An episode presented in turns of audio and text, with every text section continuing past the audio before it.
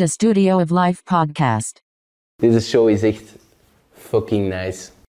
Studio of Live is iets om tijd voor te nemen. Deze show is chic. Dag Michael. Dag En, eh, Mathieu, Een zeer goede morgen. goedemorgen. Ik ben eh, super blij dat ik hier in deze echt super vette studio mag eh, aanwezig zijn en Ja. een gesprek voeren. Ik vind het echt fantastisch. Ja, jij bedankt Dus, voor, de, voor de uitnodiging. Ik vond, eh, ben vereerd. Ik heb al heel wat eh, video's van u ook gezien, dus eh, je doet dat goed. Ja? Ja. Zal ik ehm, kans maken om ook eh, op de radio eventueel... Maar dat denk ik wel. ja? Dat denk ik wel, waarom niet? Misschien sidekick van, ik zie hier nog staan, Energy Squad. Ah, wel, maar dit is misschien een eerste proefprogramma. Laat ons gewoon er iets plezant van maken en dan, je weet nooit, hè, jong. Zeker weten. Dan is, Ja. dan is de verwachting natuurlijk wel direct hoog gespannen. Niet, niet, de lat, jongen, niet te hoog leggen alstublieft. Het is nog vroeg.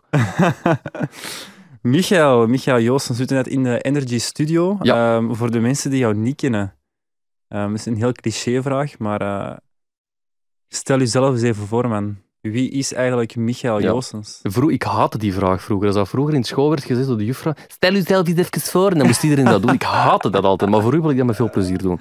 Dus, ik ben, eh, ik ben Michael, ik ben 29 jaar, ik word 30, eh 8 oktober, dus dat begint ook te korten. Ben ik daarmee bezig? Vind ik dat erg? Nee, totaal niet. Totaal. Heel veel mensen vragen dat van, ja, vind je dat erg om 30 te worden? Want dat is toch wel zo'n een mijlpaal of zo? Absoluut niet. Ik ben, ben nooit bezig met leeftijden of zo. Dus eh, ik word bijna 30. Ja. Ik woon eh, in Antwerpen nu bij eh, mijn vriendin Brit. Ben ik gaan inwonen sinds een paar maanden. In Wilrijk woon ik nu. Ehm, en mijn job is voor de radio werken. Dus in deze studio, hier, zit ik eigenlijk ehm, vijf op zeven. In deze Energy Studio tussen vier en zeven. Energy Squad, de avondspits. Sinds januari ook. Eh, ik heb voordien de ochtendshow gedaan, drie jaar op Energy. Was heel plezant, maar wel heel zwaar. Ehm, zeker als je een slaapprobleem hebt, zoals ik. Dan eh, waren dat heel korte nachten, soms drie, vier uur slaap. En dan kun je ook wel eh, rekenen, als dat weken opbouwt, word je op een duur een zombie. Wat bedoel je Ehm, met een slaapprobleem eigenlijk? Ja, ik, ik, ik had problemen met het, het, het switchen van het ritme. Dus eigenlijk, als je een ochtendshow doet, dan komen wij hier toe om vijf uur s ochtends. Dus dat wil zeggen dat je ongeveer om vier uur moet opstaan. Ehm, en dan moet je gaan slapen, in theorie, als je genoeg slaap wilt halen, tussen acht en negen s'avonds. Maar ja, bon, in de zomer, vergeet het maar. Vergeet het echt, Mathieu. Ik bedoel, als je in de zomer mensen hoort barbecuen, eh, kinderen op straat hoort spelen, en jij moet dan op dat moment gaan slapen tussen acht en negen, dat is een beetje lastig. Ik vond dat toch lastig persoonlijk. Ehm, dus ja, ik heb, ik heb een soort slaapprobleem opgebouwd de voorbije jaren. En ehm, ja, dat was niet zo interessant in combinatie met een ochtendshow. Maar bon, ik heb het wel met drie jaar eh, met heel veel liefde en plezier gedaan, sowieso. En ehm, het voordeel was ook, vanaf het moment dat ik in die studio binnenkwam hier, en je begint met die ochtendshow en je begint die- echt die, die energieke hits te spelen, zoals we bij Energy natuurlijk elke dag doen, Ehm, ja, dan word je wel wakker en dan sleurt je jezelf erdoor en dan heb je terug zo'n adrenaline rush of zo op een manier. En dan komt je wel die studio buiten en dan voel je wel zo de man met een hamer langskomen. Kuts, en die eh, sabelt u even neer. Ehm, ja, het is, maar, ook, het is ja, ook vaak een illusie, vind ik, dat mensen ook zo zeggen van ja, maar je werkt van 6 tot 2 bij van spreken, ook, of in shiften. Ja. Dan heb je daarna nog de hele dag voor je, maar dat is ook een beetje toch een illusie dan, toch? ja, dat is... Allee, uw vrienden werken overdag.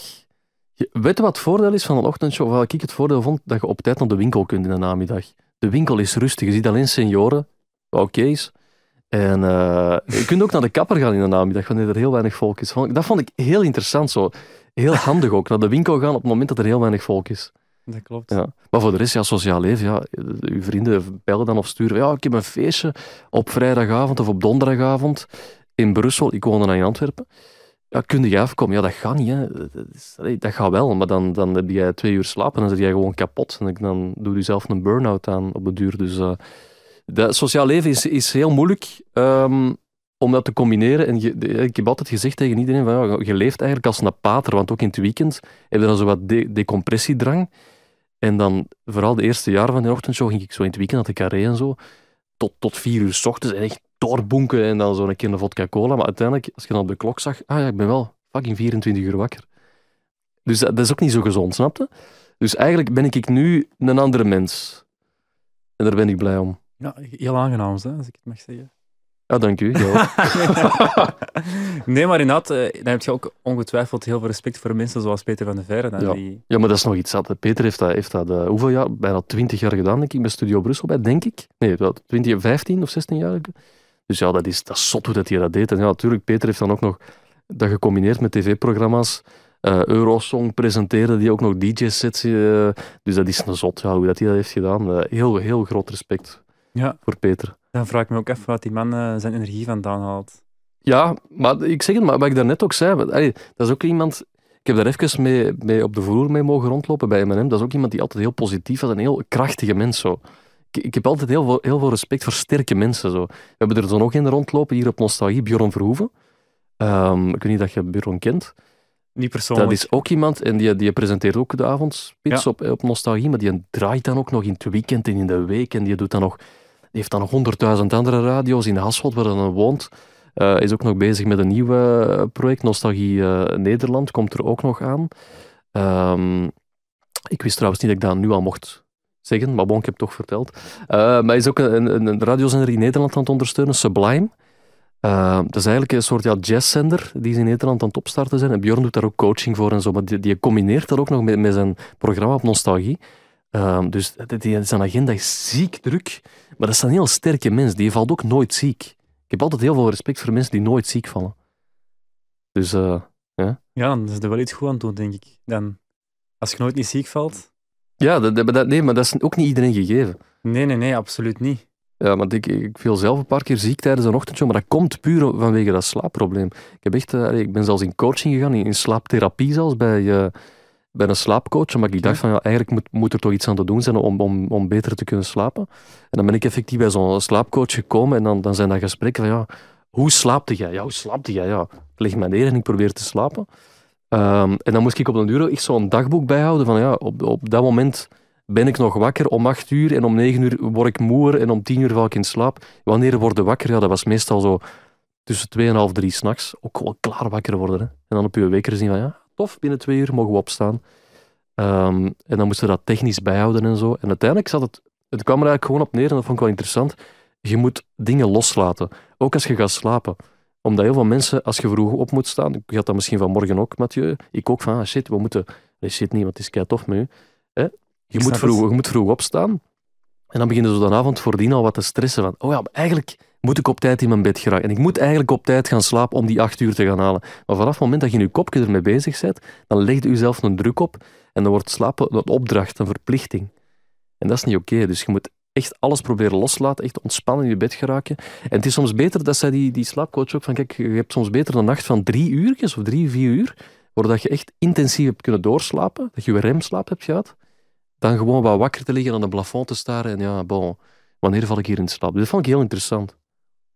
En heb je ook echt dan ja, naar een slaapkliniek moeten gaan? Om nee, nee, dat niet. Dat, nee, nee, nee, dat was echt zo. Ja, dat was bij, bij ja, een slaapcoach op, bij die vrouw thuiskomen. Allee. Ja. En is dat, is dat probleem eigenlijk gekomen door uw ritme met de ochtendshow? Of was dat probleem al voordien al? Nee, ja, ik was nooit echt een mega goede slaper, maar uh, dat, met de ochtendshow is dat toch wel versterkt. Hè. Gewoon omdat je ritme, je bioritme wordt zo hard omgeswitcht.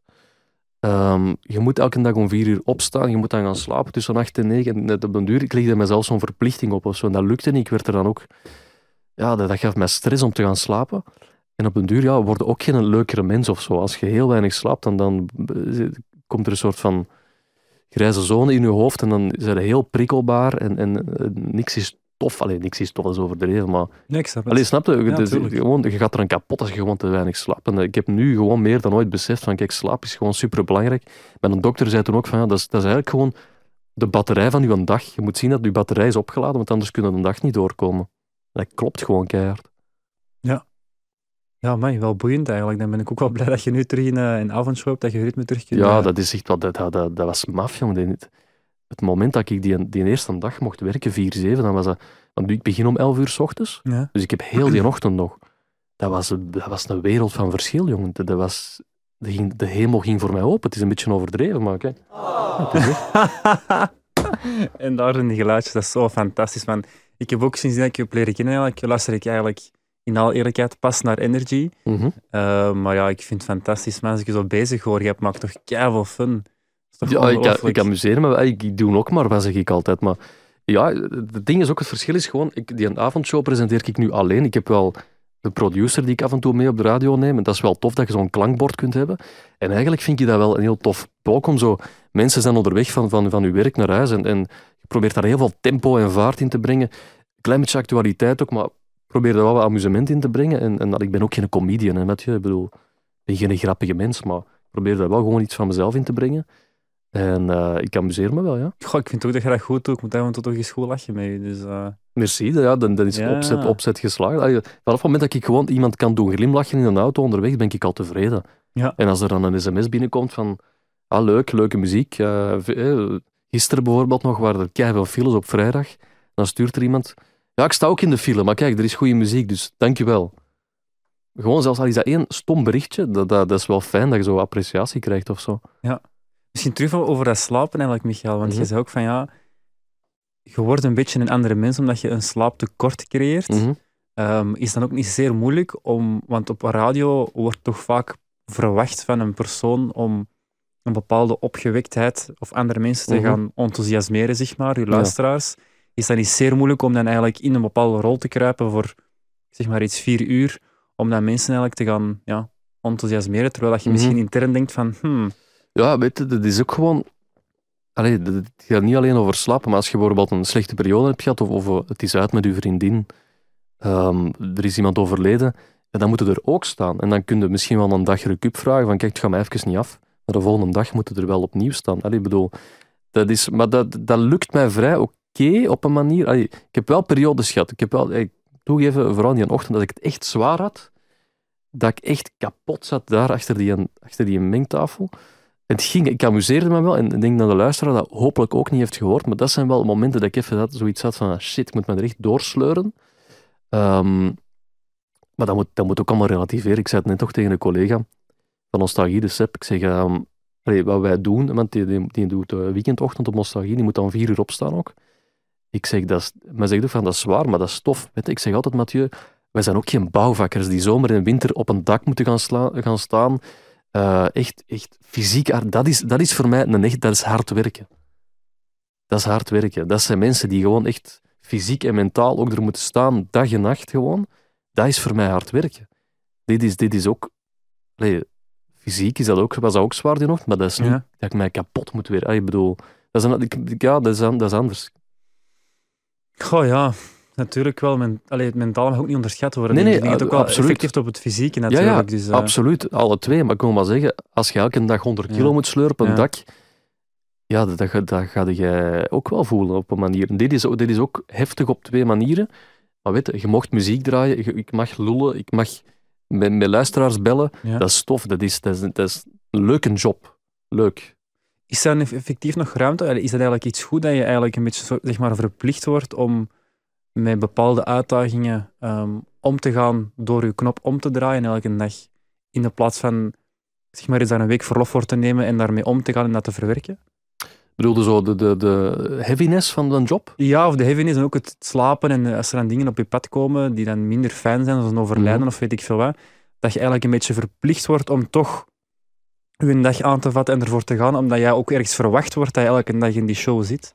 Ja, dat denk ik wel. Dat is eigenlijk hetzelfde zoals, zoals artiesten. Hè? Mensen die zingen, ja, bedoel, dat, ehm, dat is exact hetzelfde. Je hoort soms verhalen van mensen van, ja, ja een artiest, en, en ik zou maar iets zeggen, iemand in de omgeving is overleden, of die krijgt telefoon, ja, een uur geleden, hè, er is iemand overleden in de omgeving, ja, dan moet hij ook op dat, op dat podium staan, dan moet hij ook uw knop kunnen omdraaien. Eh, dus dat is eigenlijk, ik denk dat je dat wel best kunt vergelijken. Ehm, alleen, ja, ik zeg het, muziek sleurt u er altijd door op manier. Als je van muziek houdt en je, je houdt van radio, dan, dan komt het er wel door of zo. Ja, inderdaad, ook, ook over artiesten gesproken. Ik denk ook wel dat ik denk Stromae daar ook wel een mooi voorbeeld van is. Ik Ja. denk dat hem, hoe dat die man dat doet, dat hij eigenlijk gewoon echt zegt van ja, kijk, fuck jullie allemaal. Ik ga Mhm. gewoon een, eh, een tijd rust inplannen. Ik ga Ja. niks doen. Jullie horen nu van mij niks. En opeens staat die man daar en brengt hij zoiets uit. Dan denk ik van, van waar komt deze Ja. vent? L'Enfer, Santé.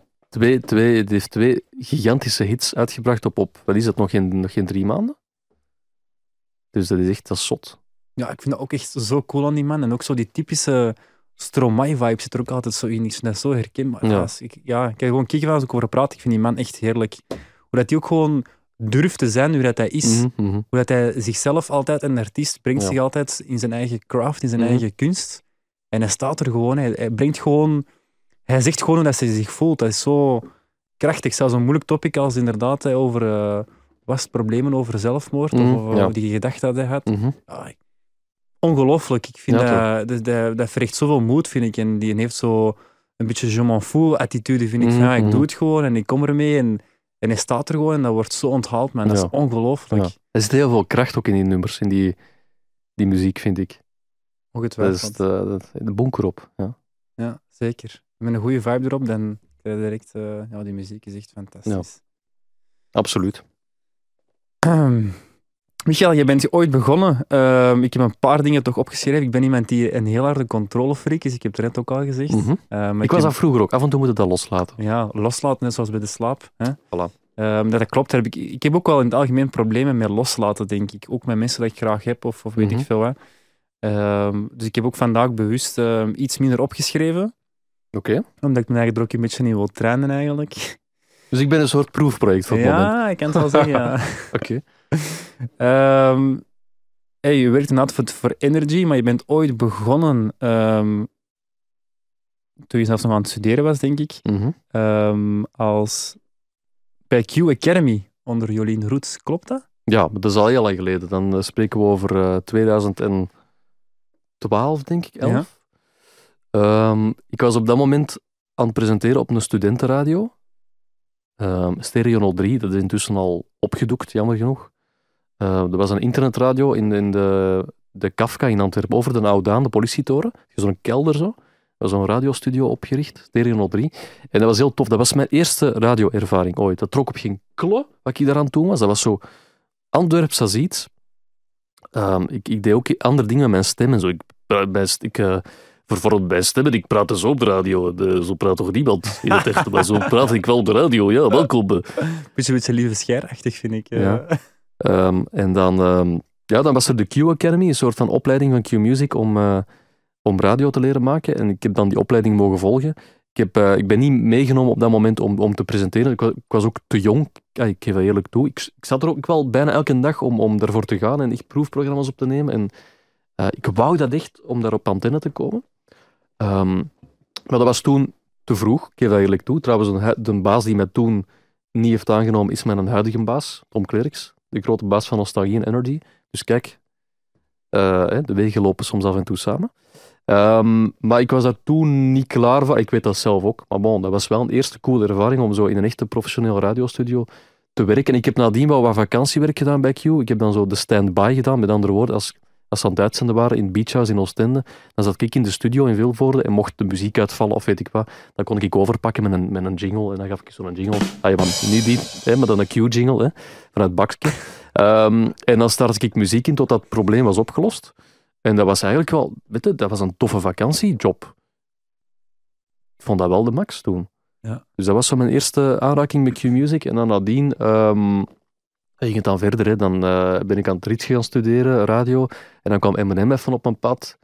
En dan zitten we hier. Hè. Dus, dus. Maar dat was wel de eerste aanraking. Dat was wel tof met radio. Ja, als je het ook over die stem hebt, ik vind dat jij ongelooflijk mooi kunt praten. Ik denk, als ik dan soms naar mezelf luister, ook op de podcast, dat moet ook, hè, want je doet de postproductie ook van, eh, van de podcast. Ik Mhm. En dan is dat echt, denk ik, van ja, oei, mijn stem is toch nog niet precies wat ik het gedacht had. Want eh, ik vind dat jij zelfs in een privéomgeving, houd je ook gewoon die stem aan. En dat is ook ergens normaal, denk ik, als je vijf op de zeven een bepaalde stem hebt aangenomen, of een bepaalde timbre, of ik weet niet hoe je het moet noemen, dat je dat ook aanhoudt en doortrekt in je privé. En ik vind dat jij heel mooi praat. Ik ben ook altijd, als ik dan... Allee, ik kwam hier er juist binnen en dacht van ja, die man is direct niet in zijn rol, maar die man is gewoon zo. Snap je? Jij- Mhm. Jij praat gewoon altijd Ook zo... leuk dat je over mij, over een Mooi. man spreekt. Ja, dat is echt... eh, Die man. Ja, nee, eh, ja. Ik, kan- ik kan ook heel, heel plat klappen. Hè. Kan ook heel plat, eh plat Antwerps praten. Hè. Maar daar moet je toch moeite voor doen, Nee. Nee? Nee. Ja. Nee, maar eigenlijk zouden ik hier gewoon moeten samen... Eigenlijk zou ik gewoon 20 uur moeten samenwonen met mij en mijn vriendin. Dan gaat het wel horen dat ik plat kan praten. Ja. Maar dat is gewoon, ja... Ik, ja, ik wil niet op de letter afgelikt praten tegen jou, Mathieu, want ja, dan wordt het een heel, eh, heel afstandelijk gesprek, dit natuurlijk. Maar eh, ja, voor de radio, voor de radio moet, je, moet je gewoon... Ja, kijk, moeten. Ehm, ik probeer wel een beetje... allee, ik praat op de radio niet perfect, maar ik probeer wel een leuke mix te vinden, zo. Ja. Ehm, dat kan ook bij ons. We zijn, we zijn een commercieel radiostation waar dat je, je hoeft niet op de letter te praten bij ons. En dat vind ik wel leuk. Dat is een commerciële omgeving, heb je dat nooit. Waarom niet? Omdat je, je wilt ehm, een beetje connectiviteit en een beetje betrokkenheid met je luisteraars. Ik vind, als jij naar mij luistert, dan wil ik dat jij je kunt identificeren met mij. En als ik tegen u zo praat op de radio en de, ja, de, uiteraard bij de VRT, moet dat, dat wordt ook verwacht daar. En dat is allemaal dik oké. Maar ik ben ook gewoon blij dat ik hier, dat ik hier een, soort tussentaal kan vinden om op de radio te babbelen met u. Dat vind ik tof. Dat je er een beetje meer ook je eigen identiteit, zeg maar, of je eigen touch Ja. in eh, kan leggen, of je eigen Ja. persoonlijkheid Pas eigenlijk. op, ik heb, ook, ik heb wel jaren logopedie en zo gevolgd. Het is niet Ja. dat, dat, dat je zonder eh, logopedie zomaar op de radio kunt babbelen. En ik bedoel, ik weet ook wel wanneer dat ik netjes moet praten en wanneer niet. Ehm, maar ik probeer er wel een leuke, leuke balans in te vinden voor mezelf en voor, voor u, voor als luisteraar. Ja. Dus bij mij is er nog Ja. werk aan de winkel, ik hoor het ik weet dat niet. Ik, heb- ik heb ook een leuke, een leuke stem, toch wel? Ja, is mijn, eh, is, heb ik een warme stem? Vind ik wel, ja. Heerlijk. Ehm, ik heb ook gezien op uw eh, LinkedIn, ik heb vanmorgen ook toegevoegd zelfs. Ja, ik, heb direct, ik zag dat Ja, binnen. Ik was, ik was boterham aan het eten en ik zag direct zo'n verzoek op Mathieu Wollard wil je toe. Binnen de seconde had ik, had ik u geaccepteerd. Ik had niet minder verwacht eigenlijk. Hè. Maar ik dacht van Ja. die man, die werkt precies non-stop. Dat is ongelooflijk fantastisch. Ehm daar had ik ook gezien dat je in het begin ook een beetje naar de tv bent gegaan. Of Ja. tv hebt eh, ervaring hebt. Allee, ervaring Mhm. als in eh, tv-productie. Ja. Eh, daar heb je ook de casting gedaan voor de buurtpolitie. En, maar ik kan mijn eigen schrift niet meer lezen. Wat is het? Huizenjagers. Ja, dat klopt. Fantastisch. Hoe was die ervaring? Eh, dat was eigenlijk een heel toffe tijd, want ik eh, presenteerde toen op M&M.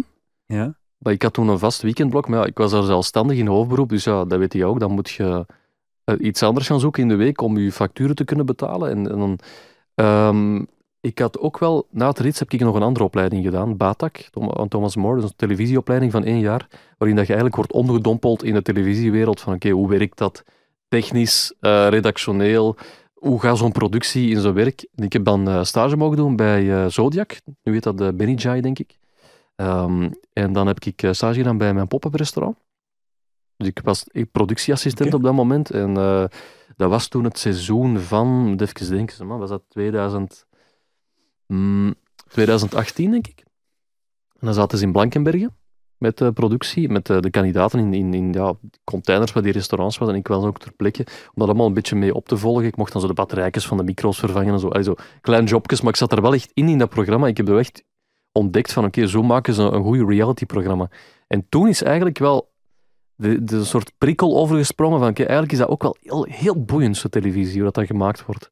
En zo radio, dat weet ik nu wel intussen een beetje hoe dat, dat marcheert. Maar zo televisie zou ik nog wel meer willen eh, ontdekken, want dat is een heel boeiende wereld. Het verschil is enorm. Radio is heel, dat, dat apprecieer ik nog altijd aan radio. Radio is heel snel, heel in the moment. Op het moment dat ik nu op die knop duw, eh, zeg eens iets. Hallo? Voilà. Is sneller dan dit kunnen niet gaan, Mathieu.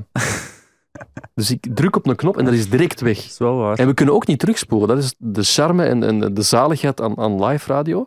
Dat het moment dat we nu een gesprek aan het voeren zijn, dat is weg. Dat kun je ook niet meer terugspoelen. En televisie, wel. Er wordt heel veel in gekut.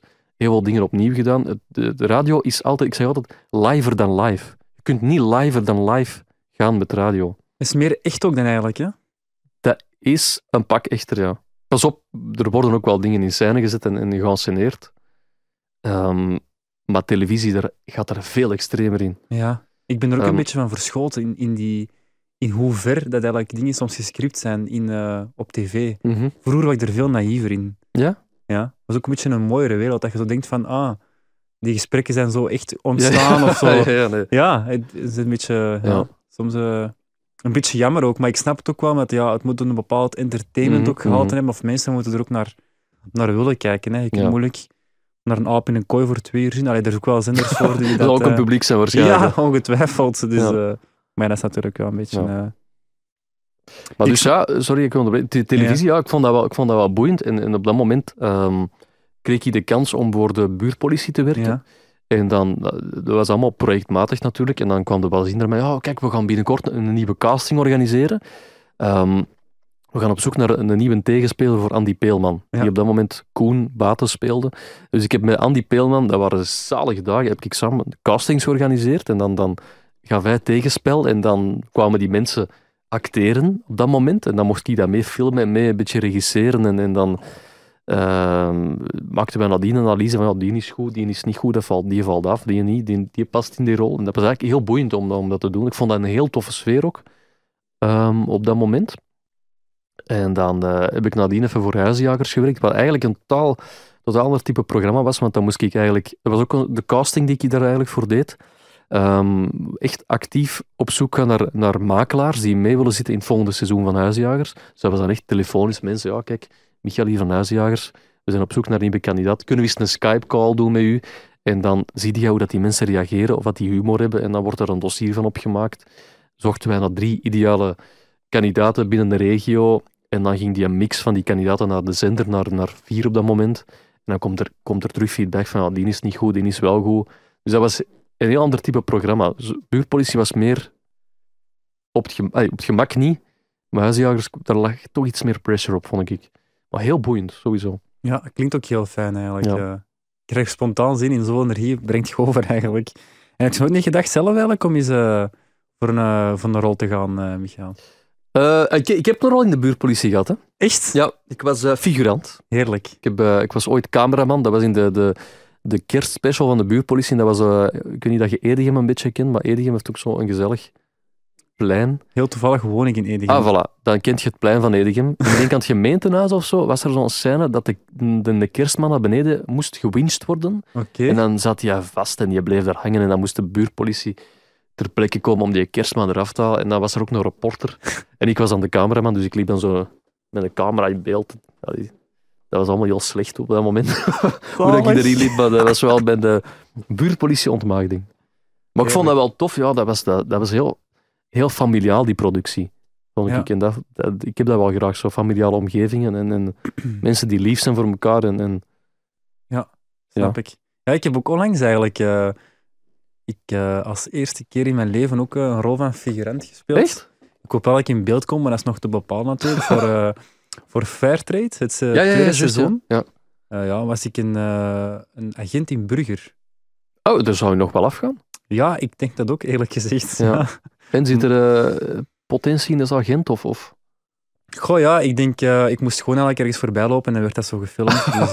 Maar kijk, ehm, het, was, het was een ongelooflijke ervaring eigenlijk, want die mensen waren ook heel vriendelijk, allemaal heel lief. Ook een heel Mhm. kleine equipe eigenlijk. Ja. Of relatief klein toch, want ik heb ook andere producties al gezien van bijvoorbeeld First States. Mhm. En dan dacht ik van, holy shit man, hier werkt veel volk. En, en, ja, eh, toch, ja. ja, echt. Die waren zeker met 50, 60, 70 man, denk ik. Voor één product. Allee, dat is oh, absoluut Dat waanzin. zijn ook, de- die budgetten Dat zijn ook eh, gigantisch binnen televisie. Ja, dat schik. is echt zot, hè? Ja, maar die Fairtrade echt...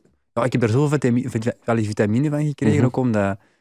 Mark Punt was ook op de set, uiteraard. Ik, eh, ik weet niet of je die kent, maar dat is een regisseur en die heeft ook met ehm, seizoen 1 en 2 gemaakt. Ah, ja, ja. En oh, wat een heerlijke vent. ja. Mark Punt. Ja. Kunt je nog een puntje aan zeggen dan eigenlijk?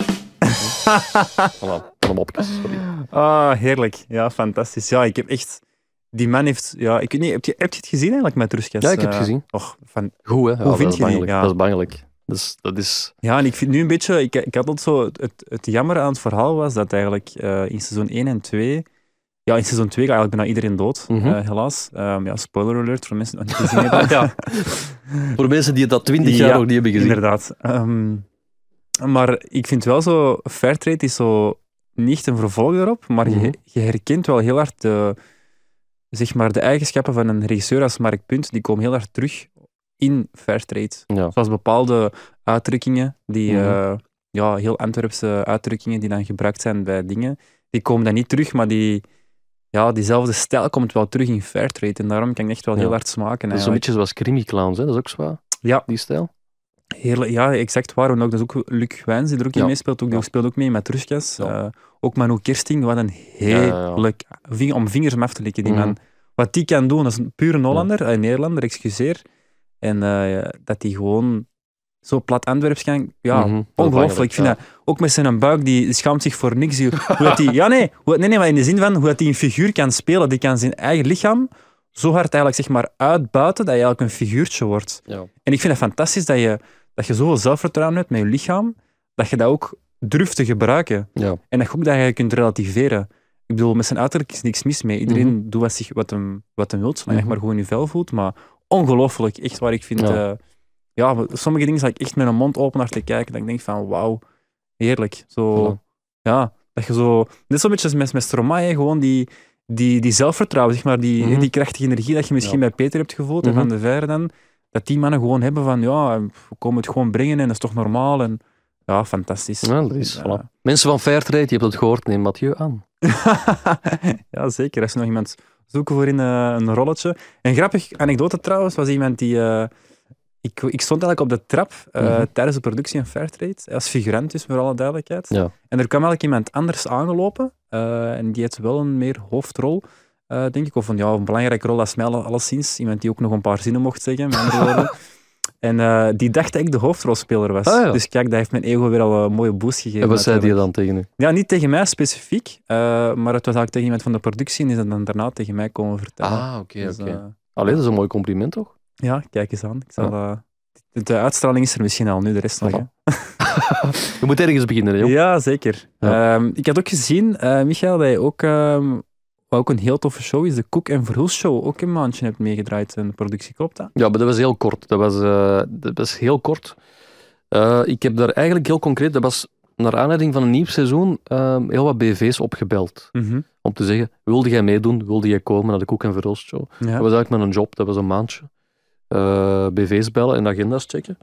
Dus ja, dat is nu niet... Allee, Maar hoe gaat zoiets in zijn de werk eigenlijk? Dat is gewoon, jij krijgt een les en die zegt van, kijk, belt die op. Of Ja. moet jij nu echt in je eigen netwerk gaan zeggen van, kijk, nee, nee, nee. Ja, ik ga die mensen... Je kunt je eigen netwerk gebruiken, maar er was, er was, eh, er was op SBS op dat moment eh, dat we in kantoor zaten. SBS, ja, die hebben gewoon een gigantische database met allemaal BV's. En dan eh ga je op voorhand even zitten met de eindredactrice of de producer, of executive producer, sorry. ehm, om even te overlopen van, kijk, wat, wat is de mix die ze dit jaar willen? Dus welke koppen willen ze? Een ABV, een BBV, een CBV. Ehm, alles hangt eigenlijk een beetje af van de mix van de zender. Dus, dus eh, dan ga je op zoek van, kijk, begin je direct een ABV te bellen. Eh een Andy Peelman, ik zeg maar, dat is een ABV tegenwoordig. Hey Andy, kun je komen? Heb je zin om de koek en verroos te komen? Een week lang. Ja, ik kan me niet vrijmaken. Die week. Ah, oké, maar kijk, dan gaan we even kijken. Misschien kun je binnen twee weken wel. Ehm, dat was zo wat een job. Dat was zo'n beetje samen de puzzel leggen van, oké, welke BV's kunnen, welke niet. eh, en die dan op een hoop gooien. En daar komt dan een mix uit van BV's die langskomen. Word je daarvoor betaald eigenlijk, voor die presence? Eh, dat weet ik niet. Ah. Dat is een goede vraag. Want ook, je zegt ook A, B en C. Dan, dan stel ik me ook de vraag: wie is er zo ehm, vrij om die mensen te gaan categoriseren op basis Ah, wel, van ja, ja, maar ik zei- eigenlijk ik- ja, gekozen? Ik was eigenlijk? misschien wel cru in mijn uitdrukking. Ja, nee, nee, maar het kan. Nee, maar misschien dat SBS een bepaalde cate- categorie maakt. Hè, van ja, die mens, of, of die mens, Mhm. die persoon komt veel op tv. ehm ja, dan is die voilà, ABV dat en heeft die ook te komt iets maken- minder op tv of minder op... eh, dat is niet slecht bedoeld Nee, nee, eigenlijk. nee, dat eh. heeft ook te maken met, dat is logisch, met populariteit. Wie is er op dit moment heel populair op televisie? Dat is logisch dat je die mens dan, of, of, eh, of die vrouw wilt zien op televisie. Ja. Hè? En dan heb je de andere BV's die altijd natuurlijk top of mind zitten, hè? eh, maar die misschien op dit moment iets minder in beeld komen. Meer guilty pleasure figuren of zo. Dat bedoel ik eigenlijk met, met de juiste mix te zoeken. Ah ja, oké. Ja. En hebben jullie ooit eigenlijk eh Matthias Schoenaerts of zo ook proberen krijgen in de Brood show? ik denk dat wel, wacht hè. Jawel, volgens mij wel. Volgens mij hebben we ooit een keer... Want ik deed dat met een collega, Alexander Peters, die ook trouwens presenteert op Energy. Dat was heel tof. Ja. Ehm, ik denk dat wel dat we ooit Matthias Schoenaerts hebben, hebben proberen benaderen, maar ik weet niet of dat toen gelukt is, agenda technisch. Ja, Ja. dat is een man die ook nog hoog eh, staat aangeschreven eh, in de lijst voor de Oh podcast. ja, voilà, dat snap ik helemaal, ja. Ja, Ja, er veel, gaan veel kijkers mee halen, zo vriend. Ja, niet zozeer dat eigenlijk. Ik doe, het ook eigenlijk voor een, allee, een groot deel voor mezelf. Ik vind dat gewoon een, eh, een man met heel veel, ik denk, inhoud. Die, Mhm. ehm, die, die heeft gewoon, eh, als ik zo, allee, afgaand op wat ik zie, ik ken hem natuurlijk niet, maar een heel boeiende manier van denken, denk ik. Een heel eh, ja, apart, wat hem ook zo sterk maakt, denk ik. Of zo groot. Of, eh, ja, het zal gewoon heel boeiend zijn om eens ja, te spreken. ik heb hem al geprobeerd te benaderen op verschillende manieren zelfs al. Ja? En hoe Ja. benadert je Matthias Schoenaerts dan? Ja, ehm, toevallig. ehm, ja, ik kende iemand, die, ja, zo gaat dat dan ook, die kent weer iemand anders. En die, ehm, er was een PR-agency of een soort van agentschap, Mhm. eh, die eigenlijk niet het management doen van eh, artiesten, maar wel eh, PR-gerelateerde dingen. Ik ben even de naam kwijt van het agentschap, maar die. man zei tegen mij van ja, Mathieu, je moet eigenlijk eens aan die sturen, want die doen ook eigenlijk heel veel voor Matthias. En Ah, die hebben ook een goede verstandhouding. Dan heb ik die eigenlijk eens gestuurd. Ehm, ja, dan is het uiteindelijk veel over het weer gestuurd. Ze gingen ook de vraag wel stellen, maar ja, er is niet veel uit voortgevloeid, omdat blijkbaar Matthias nogal een schuchter man is.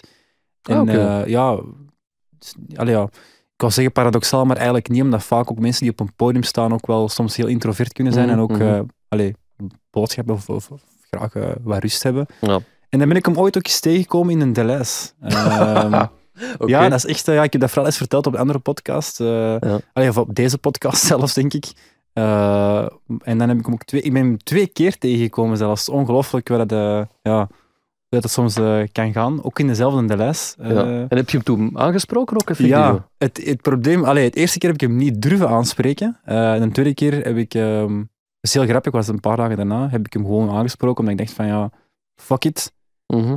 Die man wordt toch door keihard mensen aangesproken. Ik ga gewoon mijn kans wagen en gewoon normaal zijn en oprecht. En, en nee, hebt je ja, kunt je krijgen. ja. Ja, kijk. Dat zijn mannen met heel drukke agenda's. Hè. Dat is Ja, ziek eigenlijk. Maar... maar kijk, genoeg met de schoenaarts voor vandaag. Ehm, we zullen wel zien wat er op ons pad komt, eh, of het lukt of niet. Ehm je hebt ook een eh, broer, eh Laurence. Florence, hoe moet je dat eigenlijk uitspreken? Laurens, ja. Laurens. Ja. Ehm, Ja, klopt, inderdaad. Waar je zover dat ik weet, is dat mijn echte broer. Ik weet niet, allee.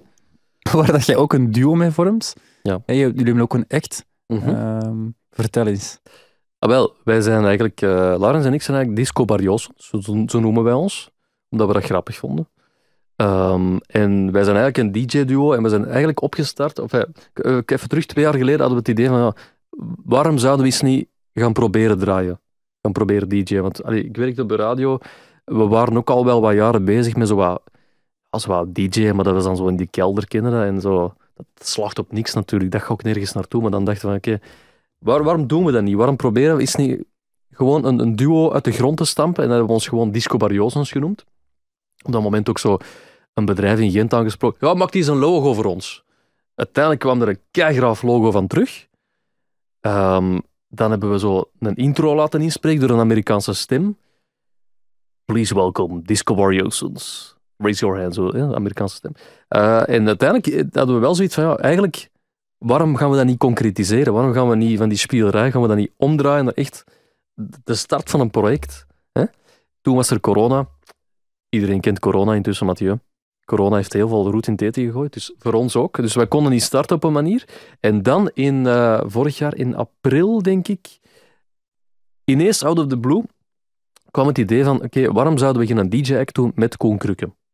We op dat moment hadden we Koen Krukke gezien, de Koek en Verhulst show, waar het hem... eh, zo acte présence deed op het einde en zo een hit bracht van Dimitri Vegas en Like Mike, ik denk de hum dat hem deed. En hij bracht dat daar als MC Spaghetti. En toen hadden we allemaal zoiets van, maar eigenlijk is dat het gewoon. We moeten gewoon Koen Krukke bij ons hebben. Disco Barriosens featuring Koen Krukke. En uiteindelijk hebben we dat voorgesteld en de, de- we hebben dan een persbericht opgesteld. En dat wanneer was dat? In september of zo. Heel België wist daarvan op één dag. Dat was ziek hoe dat, dat werd opgepikt. Kreeg telefoon van, van Karrewiet. Ja, kunnen jullie beelden van de repetitie doorsturen? Eh, dat was op Studio Brussel geweest, op eh, alle, alle kranten in, in Vlaanderen. Ehm, dat was, dat was, ik heb dat nooit durven zien aankomen, dat dat, dat, zo'n succes ging, of dat, dat, mensen dat konden appreciëren, dat we Krukke op een podium ge- gingen zetten naast twee DJ's. Ehm, en dan eh, uiteindelijk hebben we dan ehm, een boekingskantoor aangesproken, code 16, en dan hebben zij dat project behartigd. Ehm, en nu staan we bijna een jaar later. Het probleem is wel, er is nog altijd corona geweest. Koen heeft ook een heel drukke agenda, want je hebt zelf Koen ook eh, in uw podcast zitten. Hè? Ehm, ja, Koen heeft Samson en Geert afscheidsshows natuurlijk gedaan. Komt, is ook 70 geworden, dus gaat met zijn eigen, eh zijn eigen conferentieshow komen in juli.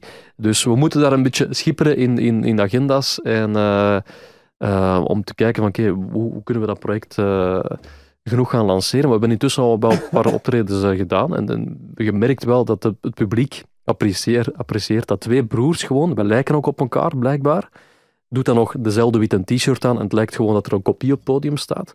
Ja. Eh, wij geven heel veel op het podium samen. Een goede energetische set van 40 minuten en Koen komt er daarna bij. eh, brengt een medley van een dikke 20 minuten waarbij dat dan meezingt. Wij zingen ook mee trouwens. En je hebt gewoon iets heel gezellig. Je hebt puur amusement, vind ik persoonlijk, van een uur lang. En dat is Disco Barriosens featuring Koen Krukke. Ja, dat is fantastisch, want ik denk ook inderdaad heel uitdagend is inderdaad om drie mensen hun agenda op één lijn te laten leggen. dat is zo, dat is zo, absoluut. Want dan krijg je, dan, als je dan eh, bookings krijgt, dan denk je van, hey, let's, let's fucking do it. Maar dan Ja. daarna van, oh ja, maar shit, Koen kan niet, of Michael kan niet, of... eh, Ja, dat is niet, dat is niet gemakkelijk. Ehm, maar bon, ik ben ervan overtuigd. Mensen appreciëren dat wel. Er, komt, er is heel veel interesse over het project. Ehm, En dat is gewoon ook leuk. Weet je. Je hebt, Koen is, is een, een 70er die vol zit met energie. Dat is, ik hoop op mijn 70 dat ik nog even energetisch mag zijn als Koen Krukke. En dan hebben we ons ernaast. En dat is gewoon een heel leuke melange. Je zit met een leeftijdsverschil, maar wij voelen elkaar allemaal leuk aan op een, op een respectvolle, toffe, leuke manier. Uh, en dat is gewoon puur ambiance. Ik vind dat zalig om te doen, om met drie op dat podium te staan. En we hopen gewoon in de toekomst wel nog heel wat podia te mogen doen in Vlaanderen en vooral verder buiten. Uh, dus, uh, Ja, want jullie hebben ook al in het buitenland geweest, dat heb ik ook al gezien. Dus, Ja, dat is de- de- fantastisch. we hebben opgetreden. Ik was er zelf niet bij, want ik op dat moment corona gekregen. was Hmm. heel hard balen. Ehm, in Andorra hebben we gespeeld. Disco Barriosas en Koen Krukke eh, op eh, Route du Soleil. Dus een soort van eh, skikamp, ik zal het, zal even zo noemen. Een week, lesvrije week in, in Andorra, waar heel wat studenten staan. Ehm, en daar stonden we ook op de line-up. En we hebben er echt heel hard voor gerepeteerd, Mathieu. Dat die act er echt stond. Het was echt een bangelijk optreden. Ik heb het alleen vanuit de zetel kunnen volgen. Want ik kreeg drie dagen voordat we gingen vertrekken het nieuws. Ja, is positief op corona. Dus op dat moment, man, ik kan u garanderen, je baalt echt een pak. Eh, maar bon, tof. Dat, ik, heb alles kunnen volgen op afstand. Het is goed gekomen. Eh, mensen hebben zich geamuseerd. Dat is vooral het belangrijkste. En laat ons gewoon verder bouwen. Zeker weten, want je zegt ook van ja, em, trek je hard op mijn broer, Michael. Ehm, worden jullie eigenlijk soms verwisseld of zijn jullie een soort van tweeling? Of, eh, Nee, wij zijn, nee, wij zijn geen tweeling, maar heel veel mensen vragen... dat. Ja, zijn jullie tweelingen? Ja. Dat is tot, we hebben, voor zover dat ik weet, zijn wij DNA-technisch geen tweelingen. Maar blijkbaar lijken wij op elkaar. Ah, ik zie dat zelf niet altijd. Sommige hoeken wel zo. Maar zo op bepaalde kinhoeken, dan wel. maar eigenlijk verschillen we ook wel wat van elkaar. ja, puur uiterlijk, mensen zeggen dat wel. Je zijn jullie tweelingen, maar je, je ziet dat zelf niet. hè. nee. En ik, ik, jullie trekken wel op elkaar, maar goh, om te zeggen dat jullie echt ja, identiek zijn, is, eh, is heel veel gezegd, Ja, vind ik. eh. ja, maar wel, voilà. Maar bon, dat maakt me iedere persoon ook eh, uniek natuurlijk. Ja. hè. Dat is zo. Ehm, jullie, ik heb ook gezien dat je eh, samen met jouw vriendin Brit eh, naar Dubai bent geweest. Ja. Tijdens de expo. Mhm. Ik heb toch tips van u gekregen trouwens. Dat klopt. Ja, heb je ze gebruikt ook? eh, Ja. Ja. Ja. En hoe was die, hoe was die ervaring? Want ben je, ben eigenlijk specifiek gegaan voor, voor de expo? Of dacht je, nou, kijk, we Ehm, gewoon Dubai eens gezien hebben? Nee, ik, ik wou, ik wou- eigenlijk was het plan van, kijk, we gaan, we gaan in de herfstvakantie een weekje weg. Want ik deed toen de ochtendshow en ik vond dat wel belangrijk om, om, om eh, zo wat zon te hebben af en toe, om een beetje vitamine D te hebben en op te laden. En dan ga je zo op de kaart te zien, en Mathieu, je weet hoe dat, gaat. Waar is het warm in de herfstvakantie? Ja, in Dubai is het nog, wat is het, uit 30 graden of zo in de, in, in de, eind oktober. Ah, cool, ja, Dubai. Kom, we gaan eens naar Dubai gaan. En op dat moment was, de, de Wereldexpo, liep daar ook. Dus eigenlijk viel dat allemaal keigoed samen. En dan zijn we met Emirates gevlogen. En bij Emirates kreeg je dan een gratis eh, dagticket om de expo te gaan bezoeken. En dan hebben wij daar eh, echt wel een heel bangelijke week gehad, eerlijk gezegd. Uh, Goed weer, het is een heel leuke mentaliteit van ik daar persoonlijk. Taxis die niet helemaal niet duur zijn. Eh, goed gegeten. Ehm, een, een safari-experience hebben we dan Mhm. gedaan. Het was eigenlijk de safari-experience voor saaie mensen. Of voor mensen die eh, respect hebben voor de natuur. Want je kunt daar dus ja, gaan, gaan ja, hoe heet dat eigenlijk zo? Hiken, nee. Nee. Dune? Ja, ja, Dune, dat daar. Dune, Dune, dat- daar. Ah, Zo met, met zo'n Range Rover Jeep. Hè. Ja. Dan rijden er zo tegen Zo 100, sa- ja, tegen 100 per uur. Denk ik. Ja, exact, dune bashing. Tegen 120 per uur met zo'n zo'n Range Rover door de woestijn. Mensen kikken erop. Mij moeten daar dus niet in duwen. Dus ik was aan het, aan het opzoeken van, oké, wat, is het, wat is het alternatief? En dan heb je zo eh, het saaie mensen alternatief, ofwel respect voor de natuur. En dan gaat het in zo'n een, een oude Range Rover. Sorry. Eh, zo'n Indiana Jones ehm, Range Rover, zo'n met een open dak. Rustig cruisen in de woestijn. En dan gaat je de diertjes checken en dan krijg je informatie over de, planten en de natuur daar. En dan eh, werden we afgezet bij een valkenshow en dan eh, kreeg een show van een valk te zien met, met druivensap. En dan sloten we af in een kamp, echt zo'n traditioneel kamp van Dubai. Eh, met heel authentieke elementen eh, van door de, de jaren heen natuurlijk. Eh, mensen die op een heel authentieke manier koffie zetten, zoals de traditie voorschrijft. Ehm, vers... Zo op die manier, ja. Ja, ja, zo- ja, zo- zo, of dat, dat zo dat thee wordt ingeschonken natuurlijk. Zo heel, van heel laag beginnen en dan zo hoog. Ja, ja, inderdaad. En dan loopt dat perfect in je tasje. Ja. Ehm, wat hebben we nog? Eh tagine, verse tagine mochten we daar eten. Echt eh, groenten, eh, fruit à volonté. Dat was zalig om in dat kamp te zitten. Dan was er nog zo'n trommelshow. Heel, eh, heel authentiek vandaar. Kamelenshow was er ook. Ik heb niet op een kameel gezeten. Ik vond dat erg voor die dieren. Ik had zoiets van, ik laat die gewoon laten zitten. Ik heb ze wel geaaid, heel zacht. En dan, dan zijn we teruggereden naar het hotel. Ik vond dat echt, ja, dat was een bangelijk. Dat was echt zo een dag, Mathieu, op uw, op uw back to basics, op een manier. En even zo, dat was zo rustig in die woestijn. Je kon er even tot jezelf komen. Heel aangename mensen, heel aangename gids. En, zo even de stress voelt zo letterlijk van je lichaam afglijden. Ik vond dat echt genieten, man. Dat was top. En dan, eh, vooral, het, leuke vond ik aan Dubai, die extreme.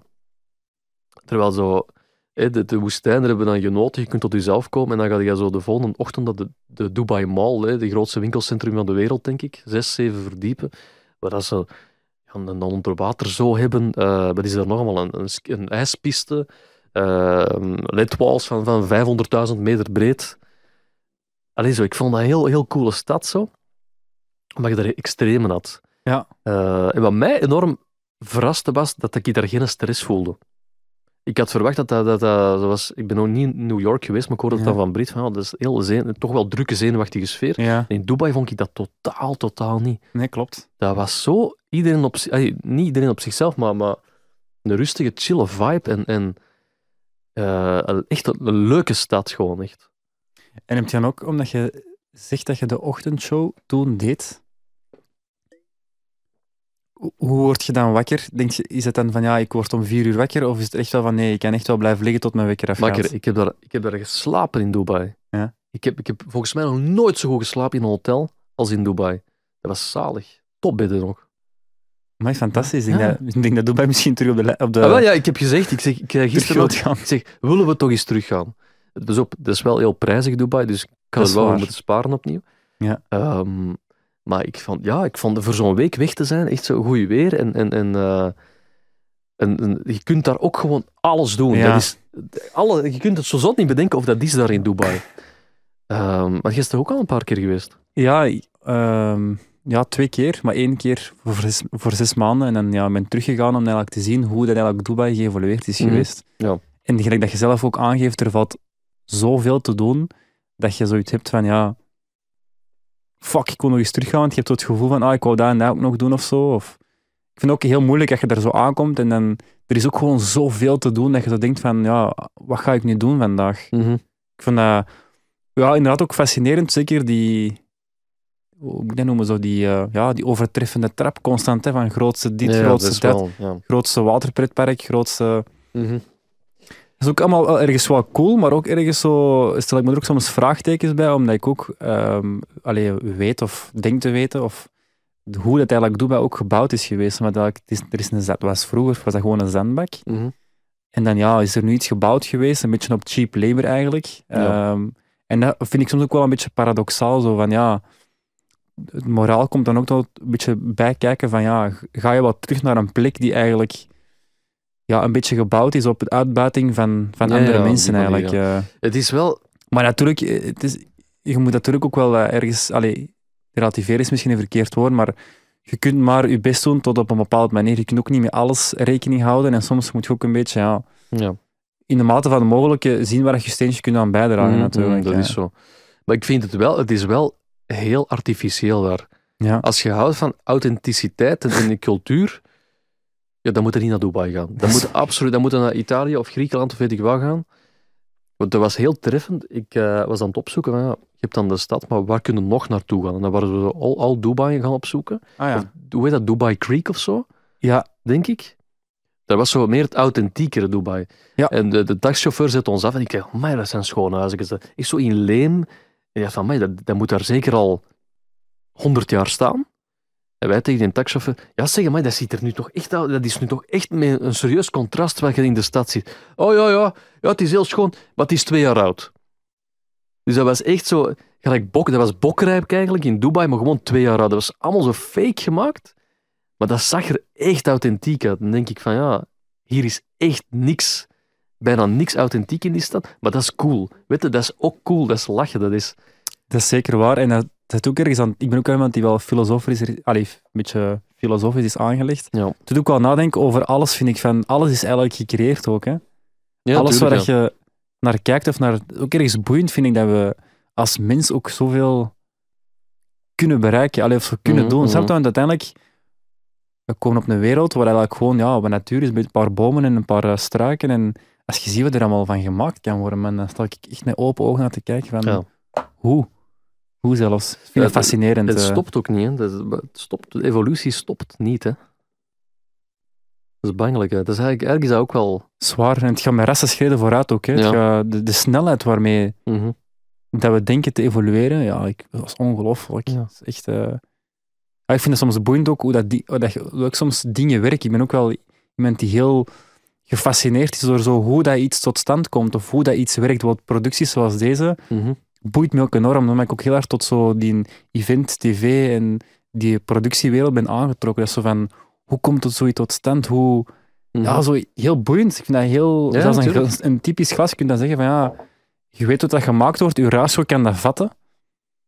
Maar dan denk je na van ja, dat moet dan eh, ergens geblazen worden in een... Ja, dat is ongelooflijk, man. Ik vind Ja. dat... Of, En hoe- of, hoe- bijvoorbeeld- of bijvoorbeeld... een- Ja, zeg maar. Nee, ik wil zeggen, hoe doen ze die vorm dan? Dat Ja. dat allemaal zo perfect... Ik maar, maar jongen, we zijn hier aan het filosoferen, jongen, tegen 100 in duur. Ja. Dat, is, dat is niet normaal. Dat is niet normaal. Echt niet normaal. Ja, Denk ik- even thuis na over wat je hebt liggen. Denk na hoe het gemaakt is. Ja, ik zeg het, ik kan er, amai, ik kan er echt over blijven. Ook bijvoorbeeld een gsm, dat je, je kunt dat vatten, maar als ik je nu gewoon een nummer ingeef, Mhm. in een toestel dat licht geeft, en ik kom gewoon tot bij u uit. Dat is toch ongelooflijk?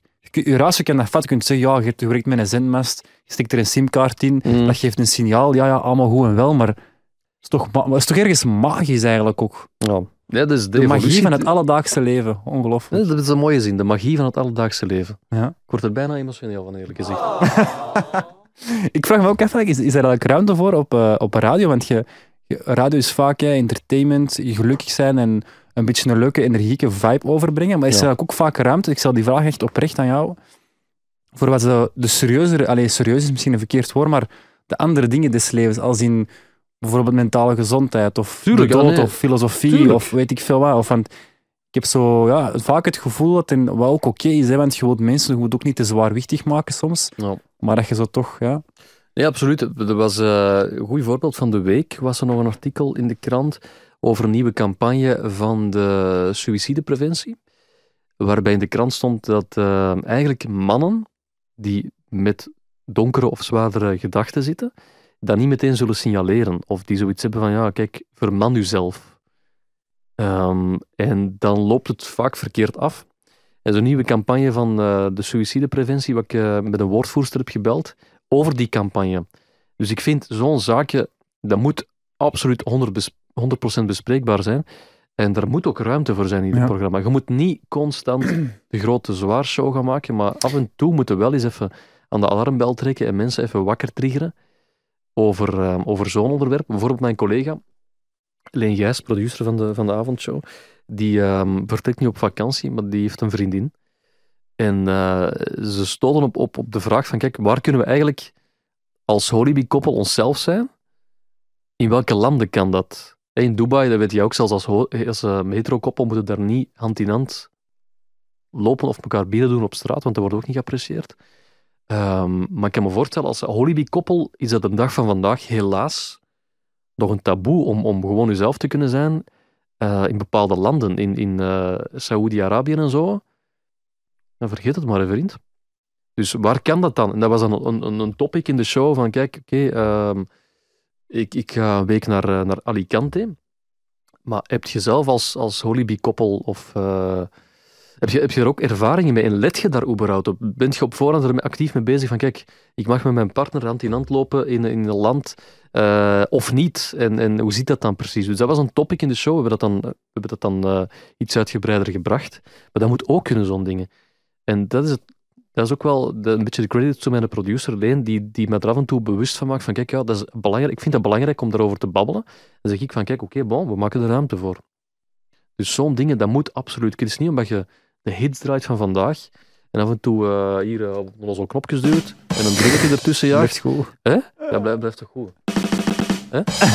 Ehm, dat, dat je geen ruimte moet hebben om, om over de serieuze zaken des levens eens te babbelen. En je zult af en toe sowieso aan de andere kant van de radio van die uh, zuurpruimen hebben die zeggen van, ja, dat boeit me niet, waar zit je al over bezig?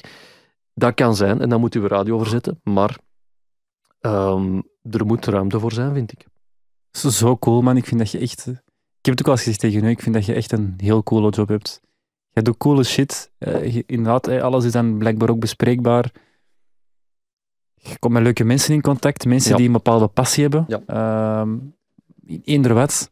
Eh, zo, cool. Echt, eh, ja, echt heel knap wat je doet. eh. Maar je moet het ook, je moet het ook een beetje zelf maken. En dat is zoals uw, zoals uw pod. Ik vind dit ook heel cool wat jij doet. Ik heb al afleveringen gezien van u. Je gaat met eh Priester Mannaerts in gesprek. Koen Krukke. ehm, wie er nog gedaan? Conor Rousseau. Ik heb dan ook de eer om even in uw reeks te zitten nu. Dank je wel daar nog eens voor.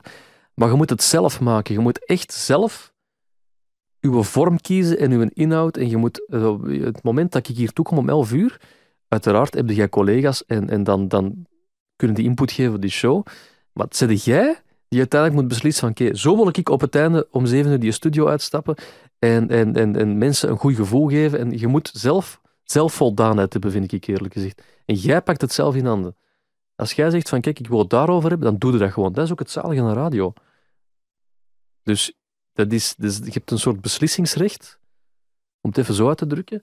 Maar eh, dat, geeft u, dat geeft mij enorm veel voldoening.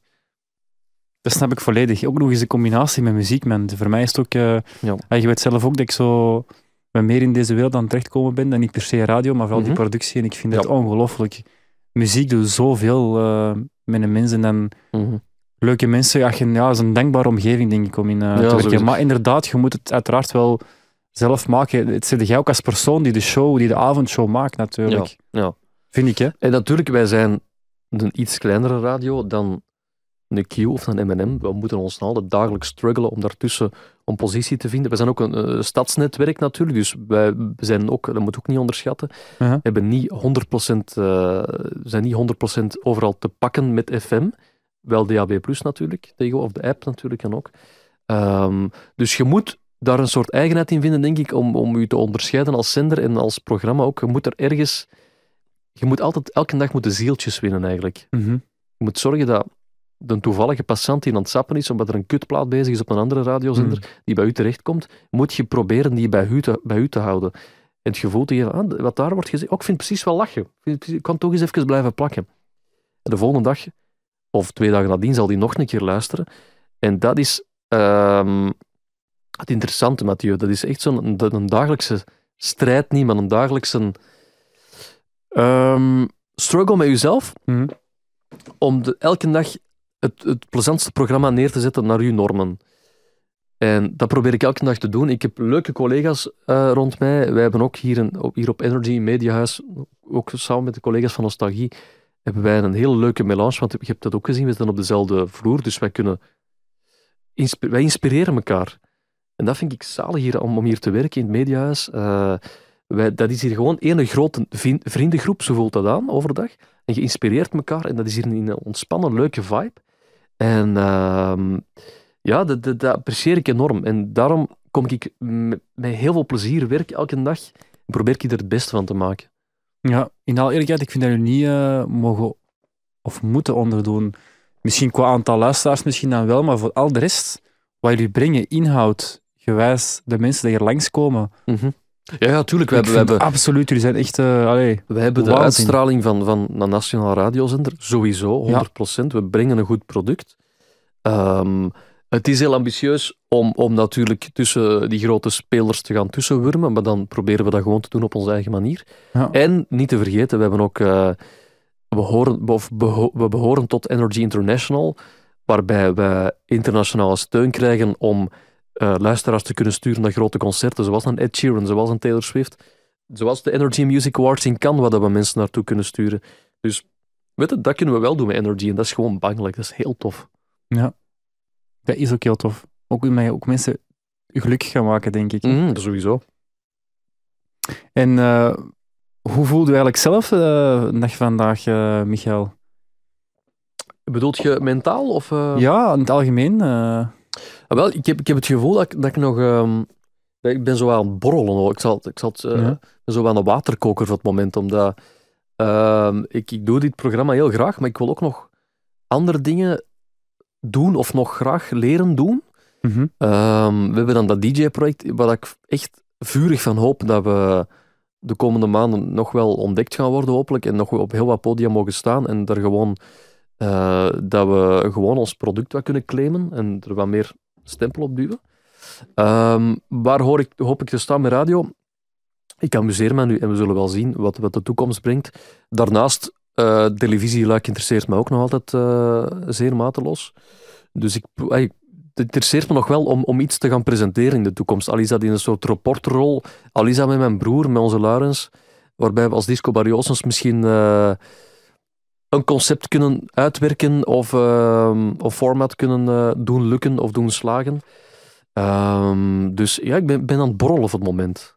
Ja, dat is wel een goede borrel, veronderstel ik dan. eh. Ja, maar is, ja, je, je, je hebt dat zelf ook, waarschijnlijk is ook een creatieve mens. ja. Eh, dus dan weet je ook dat, je, dat je, je hersenen staan ook nooit stil en je bent constant aan het nadenken. Ja, ik wil dat nog doen en dat.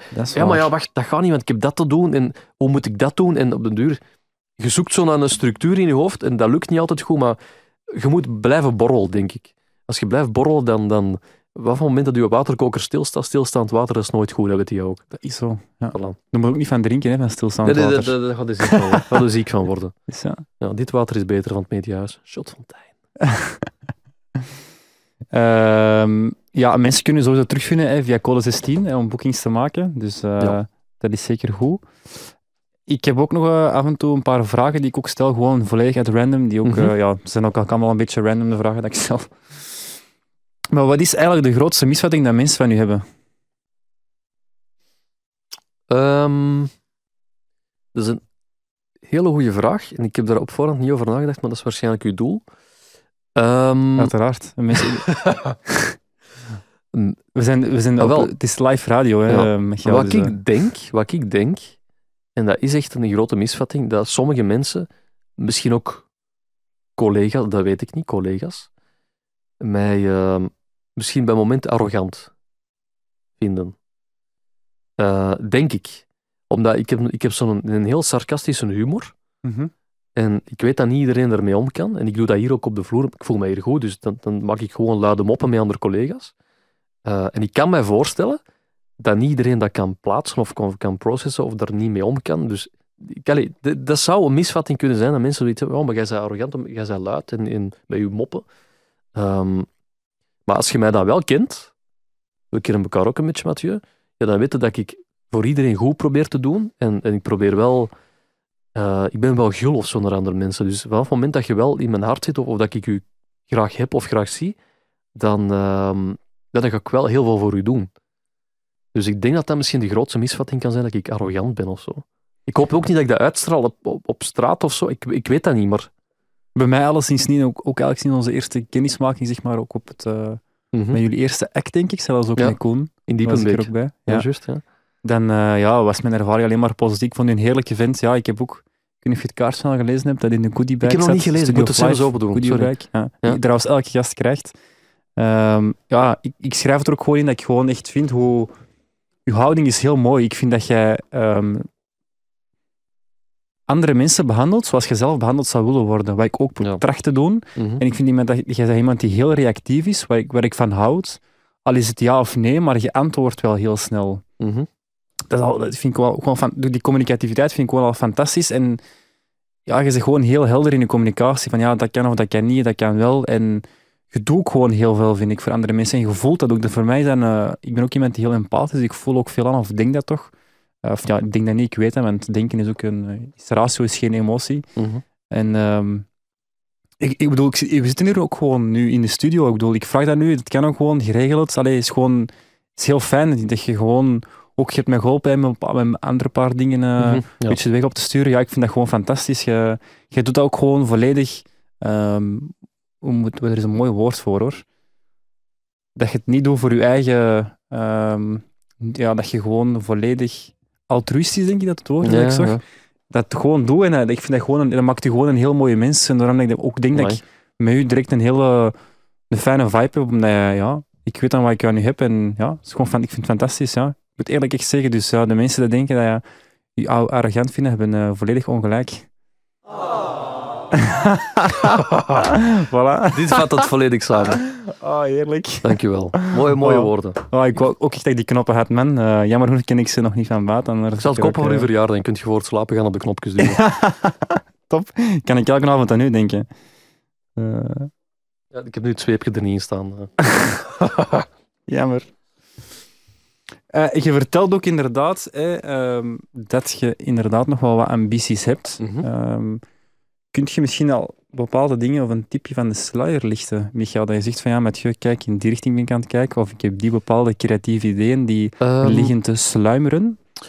ah, Wel, wat ik daarnet zei, ehm ik ben zo wat hees te worden. Hoor je dat ook, jongen? Wat is dat eigenlijk, zeg? Nee, Nog een keer drinken. ik hoor het helemaal niet. Goed. Ik hoor het Ehm, misschien ook minder slecht omdat mijn rechteroor eh, volledig dicht zit. Oh, hoe komt dat? Ja, ik had gezegd hè, dat ik, eh, ik ben vanmorgen opgestaan en het licht niet, of, ja, het geluid liever, ging gewoon volledig uit eh, aan de rechterkant. Een oorstoppen. Ik heb, ik heb heel veel last van oorstoppen. Dat komt door hoofd, hoofdtelefoons. Als je heel vaak Ja? hoofdtelefoons gebruikt, dan worden uw, eh, wordt uw oorsmeer naar binnen geblazen. Zeker als je uw hoofdtelefoon iets te luid zet, zoals ik. Dat is helemaal niet oké. Ah, Dan, je die eh, stiller aan het zetten er juist, denk ik. niet? Een klein beetje luider. Ah, Ja, ja, een klein beetje luider.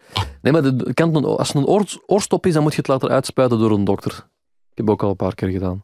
Ik weet niet, ik denk dat het eerder gezegd van vermoeidheid is, Ah, dat kan. denk ik. Dat kan. Want ik draag niet al te veel, ik ben eh, nog geen eh, radiopresentator, dus eh, ik, draag, ik draag eigenlijk niet zoveel, dat enkel tijdens het lopen wel. Maar kijk, we zullen wel zien. Maar bon, jij ging voortgaan op je, op je aspiraties. Ja, dus, dus wat ik kan zeggen, was, met, met onze Laurens, onder Disco Barriosens, voel ik wel dat er meer in zit of zo. Ja. Ik denk dat we wel met twee meer in ons mars hebben dan enkel... Allee, dan, dan enkel, verkeerd uitgedrukt, dan enkel Ja, ja. DJ-project uit te bouwen. Ehm, ja, ik, ik voel daar wel, omdat... Dat is toch wel uniek. Mensen vinden dat wel sympathiek of zo, dat twee broers die goed over eh, overeenkomen, die ook een klein beetje op elkaar lijken.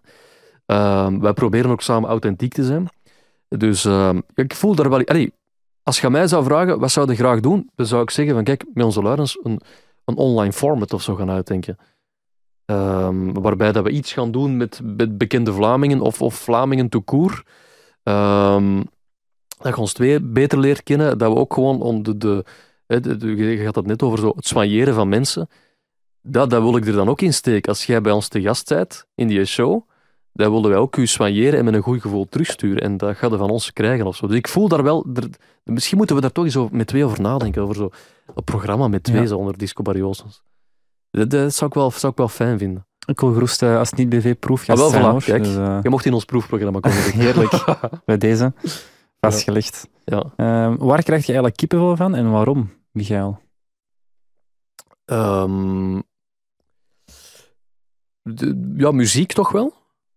Maar dan, dan eh, heb ik het niet over de muziek die ik hier dagelijks mag draaien. Ik heb dan vooral misschien over... Ik ben ook een, een jaren zeventig fan. Dus eh, al die artiesten... Ik heb ooit een keer dingen gezien, daar heb ik echt fictief kippen van gekregen. Eh Chick, live op de Lokerse feesten. Met Nile Rodgers, de legendary Nile Rodgers. Topproducer die in de jaren tachtig eh, heel wat hits heeft gemaakt voor Madonna onder andere, maar ook Chick natuurlijk zelf. Eh Daft Punk ook nog samengewerkt. Ehm, ja, dat was, ik zag die mens, die, die was ook in de 70 en die stond daar met, uiteraard niet de originele chic-formatie uit de jaren 70, maar er waren zo nog wat... De drummer was volgens mij nog authentiek en dan Rodgers zelf. En die energie, man, dat daar vanaf kwam. Die spelen al die grote hits. Dat, is, dat wereldhits. Iedereen gaat er volledig kapot en los op.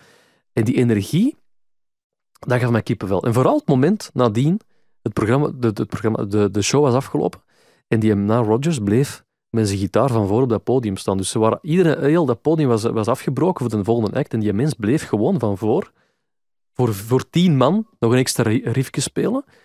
En die maakte tijd voor foto's. En dat moeten we weten, dat is echt een wereldster. Dat is oorcategorie, jaren 70, 80, naar Rodgers. Als je hem niet kent, zoek hem nu op.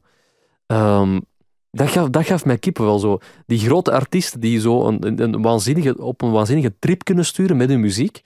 En dan achteraf ook nog eens bescheiden zijn. En een tijd nemen om na de show ook nog even wat te spelen voor fans. Op de foto's te gaan. Ja, groot respect, hoedje af. Dat gaf mij kippenvel, echt waar. Cool. Je kan het ook zien hoe dat je er nog met bepaalde emotie over praat. Ja, echt ja, alles mooi. Ja, tuurlijk. Mooi. Fantastisch. Ja.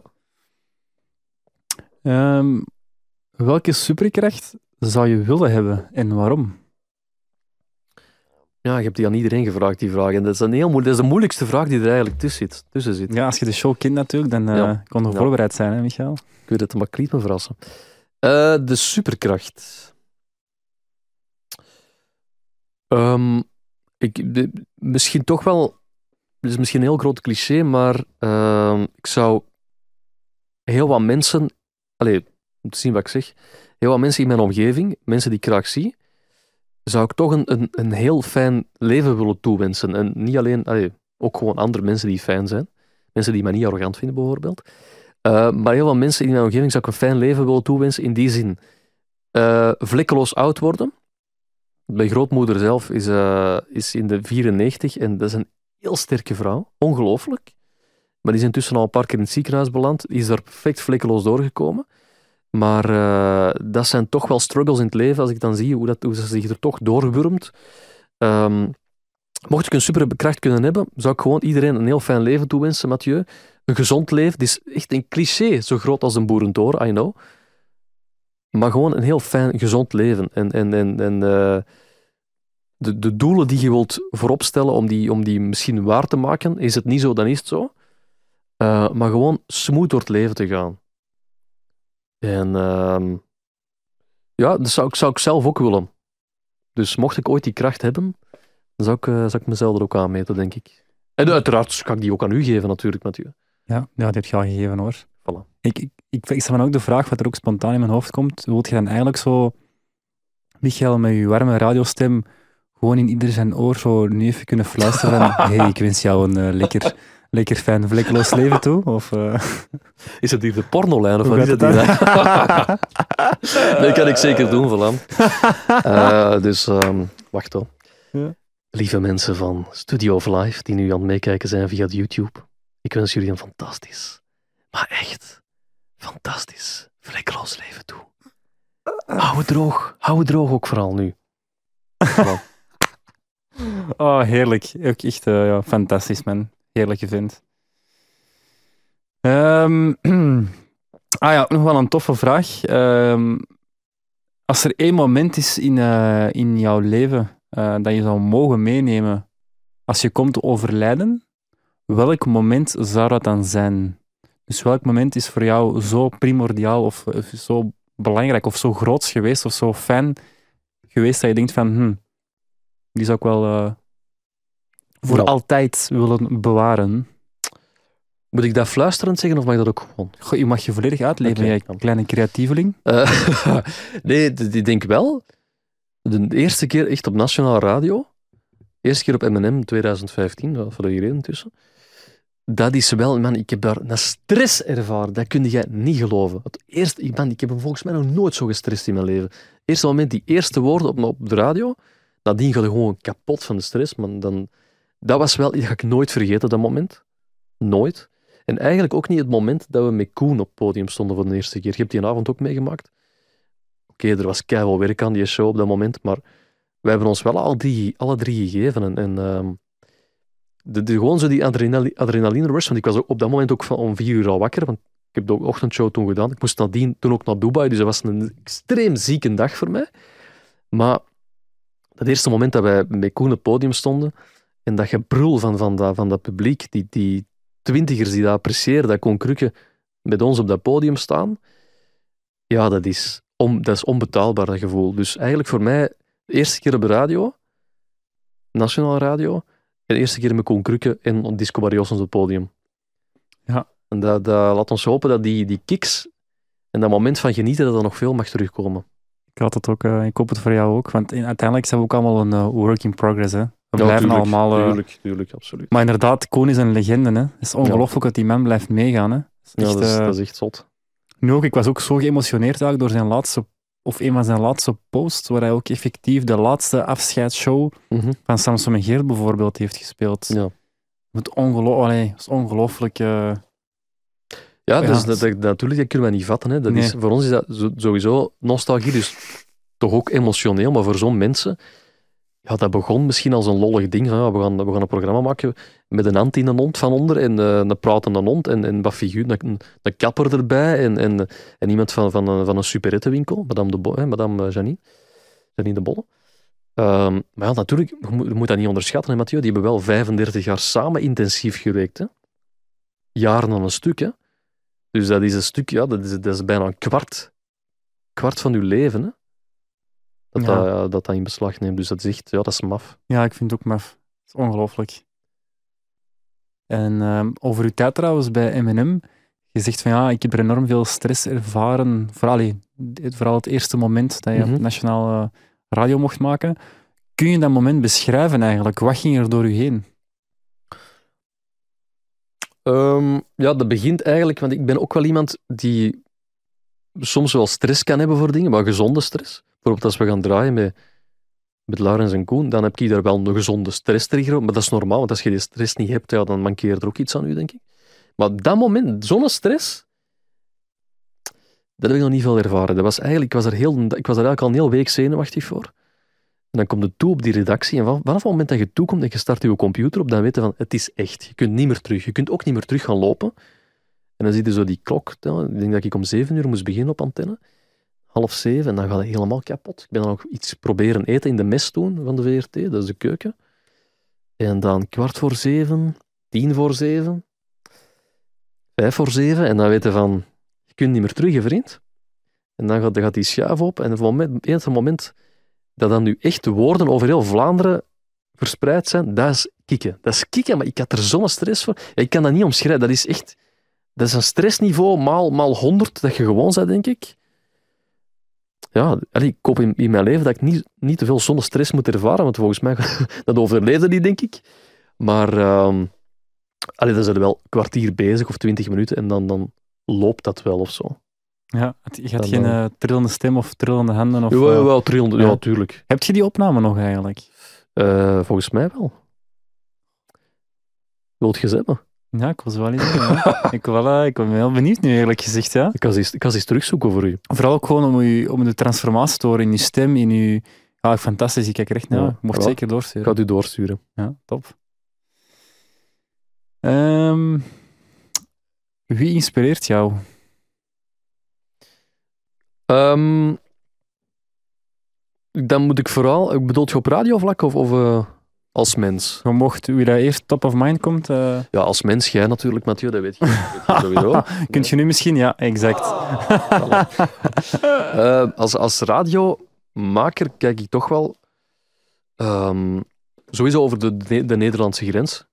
Ik luister niet zo heel veel Vlaamse radio, omdat dat is, als je dat in een kleurenpalet moet gooien, dan is ehm, Vlaamse radio meer grijs, vind ik. Iedereen is hier voorzichtiger in Vlaanderen. En als je Nederlandse radio opzet, dat, dat, is een enorm verschil. Dat is dag en nacht verschil, ook in, in kwaliteit, vind ik. In presentatie en in, in de manier hoe open dat ze daar zijn.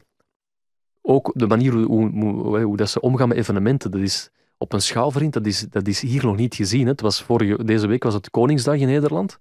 Ik heb even gevolgd wat Radio 538 doet, de- een van de grootste commerciële stations. Die eh, doen gigantisch feest op een plein in Breda, waar dat 40, 50.000 mensen staan. Om het uur, de grootste artiesten, Suz- Suzanne en Freek, Rolf Sanchez, Krantje Papi, ehm, noem het maar op, die staan daar allemaal. Dus dat, dat zijn producties, dat, dit is ziek hoe dat, dat gerealiseerd wordt. Ehm, maar dat is ook een, dat is een andere cultuur ook. Dat is radio in Nederland is een andere radiocultuur dan hier. Ehm, dus naar wie kijk ik op? Naar ehm Ruud de Wild. Ruud Wild, eh, ook een begrip in Nederland, die vroeger eh, bij 3FM begon, denk ik, dan bij Q eh, heeft gewerkt, dan Radio 538. Nu bij Radio 2, NPO Radio 2 zit, de, die ook 4-6 doet de namiddag. Omdat hij gewoon die super authentiek. Die zegt ook wat hij denkt. Die, die, mensen zouden die, die brutaal kunnen noemen. Absoluut niet. Die is heel hard zijn eigen. En dat is op een heel strakke manier, maar heel eh, zo bijna pain in the ass, wat je, die zegt wat je denkt. En dat is, dat is Nederland voor mij, snap je? Ik ben ook een achtste Nederland. Nederlander. Ik heb dat van de week genoeg uitgespeeld op de radio voor te lachen. Maar ik ben er wel, ja, ik denk dat dat misschien iets... Ik ben, Nederland trekt mij altijd aan op een manier. Niet alleen op radiovlak, ook gewoon qua mensen, qua, qua mindset om daar te komen. Die vibe in die steden, dat kun je niet vergelijken, denk ik, met, met een stad in België. Ehm, dus ja, volgens mij was ik in een vorig leven Nederlander, Mathieu. Dat kan niet anders. Ja, en misschien in dit leven ook nog wel een beetje. Hè. Misschien komt er wel een nieuwe radiozender op, uh, Joostens Ah, wel, ja, bijvoorbeeld. Of, Je eh, lacht daar niet mee, maar ik zou het wel bangelijk vinden om, om, om in Nederland te kunnen werken. mhm. Niet per se op antenne, want dat gaat daar moeilijk zijn waarschijnlijk, maar gewoon achter de schermen om te zien van oké, hoe dat die daar draait. Wat jij zegt eigenlijk, van, benieuwd hoe, hoe dat zo'n producties werken, hoe dat alles achter de schermen gaat, hoe dat ze dat in Nederland doen. Op nog vijf podium, podia's hoger dan, dan hoe dat we hier werken. Boeiend. Ja, denk het, ja. En eh zat je voor een specifieke... Radio? Ja. Mm. Ik zou wel eens willen zien hoe dat ze bij Radio 538 werken. Kijk, ze zijn nu al aan bellen. ze. Ja, dat is non-stop, hè. Dat is business, hè. Hallo is Radio non- 538. Ja, ja. ja, Mathieu, we hebben jou net gehoord in de podcast. Nou man, we willen jou een effectieve contract aanbieden. Nou, nou, ga je tekenen of niet? Dat is de vraag. oh, dat is een tof geluid. Oh, jongen, tof, Michael, hè? je hebt echt... Ehm, zoekt jij echt eens niet een sidekick voor één dag? Ah, wel, maar zullen dat eens regelen. ik zal jij een keer mee oh, man, presenteren. Je maakt echt, dat is voor mij een, dat is zo'n Voilà. hoogdag. En dan maak je er een vlogje van en dan komt je mee presenteren. Ja, is goed. Mai. Dus Radio 538 in Nederland zou ik graag eens willen eh, van dichtbij zien. Of NPO Radio 2, de, Ah, ook leuk. Ja. Ook, maar dat is eigenlijk niet te vergelijken met de Radio 2 van bij ons. Die zijn ietsje meer... eh, mm, iets commerciëler misschien. Ja. Iets meer hippere muziek, iets meer sneller op het trein. De Radio 2, in bij ons draait ook van alles, maar qua presentatiestijl is dat wel dag en nacht verschil, vind ik. Ja. ja. Omdat die daar veel vlotter zijn, dat is allemaal meer, er zit veel meer snelheid in of zo. Dat is het flow. Ik ga het gewoon, gewoon flow noemen. Denk je eigenlijk ook veel na over concepten in jouw eigen show dan, Michael? Want ik hoor ook, je werkt samen met een producer, Mhm. maar ik ken er uiteraard als leek niet veel van. Hoe, wordt die, hoe gaat zo'n samenwerking eigenlijk, of hoe gaat dat eigenlijk in zijn werk? Eh, zeg je van ja, ik heb een leuk ideetje of ik, ik wil het erin verwerken, of komt Mhm. de producer met ideeën, of is hij meer technisch aangelegd? Of, Wij zijn... Bedoelt je dan zo dagdagelijks in de show? Bijvoorbeeld, ja, je zegt van ja, of je zegt van ja, ik heb een nieuw concept en dat kan vier weken duren bijvoorbeeld op de radio. Wel, en, of hoe gaat Eh, zoiets in zijn om, nu, werk? om nu even te hebben over... We hebben nu van de week op Koningsdag en de dag nadien ook heel hard gelachen met het feit dat ik een achtste Nederland, Ja. Nederlander ben. Ik ben er wel trots op, ook al is dat maar een achtste, Mathieu.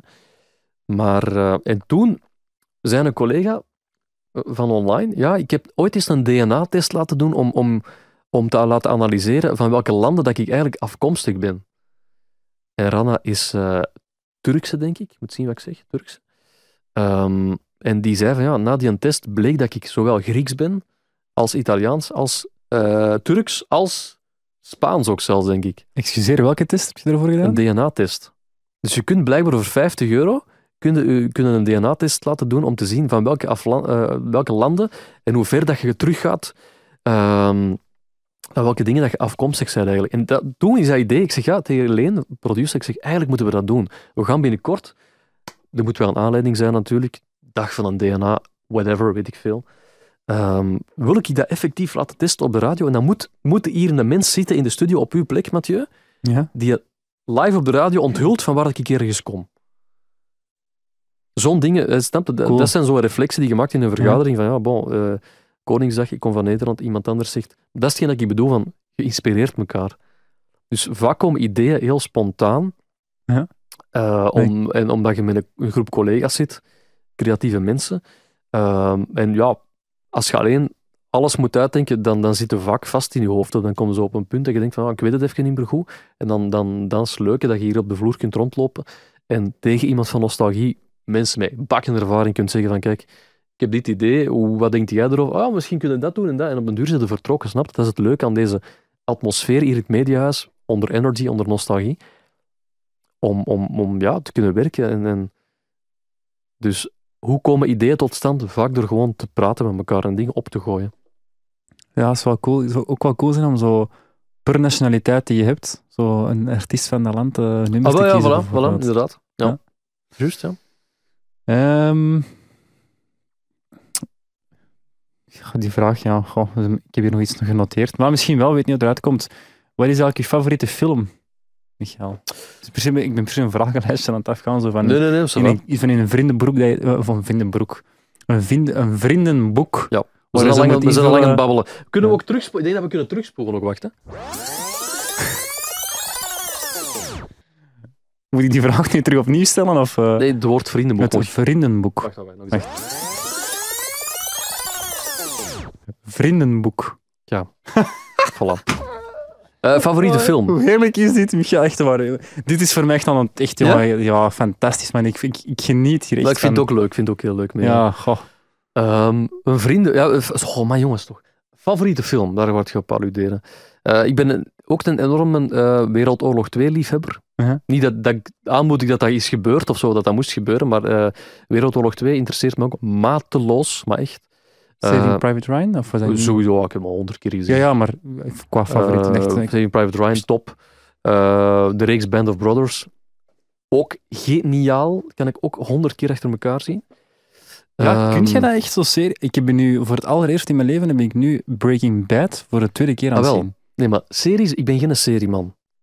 Ik, ik ben niet zo voor series, maar voor zo'n series over Wereldoorlog 2, ja, daar kunnen we wel met plezier natuurlijk.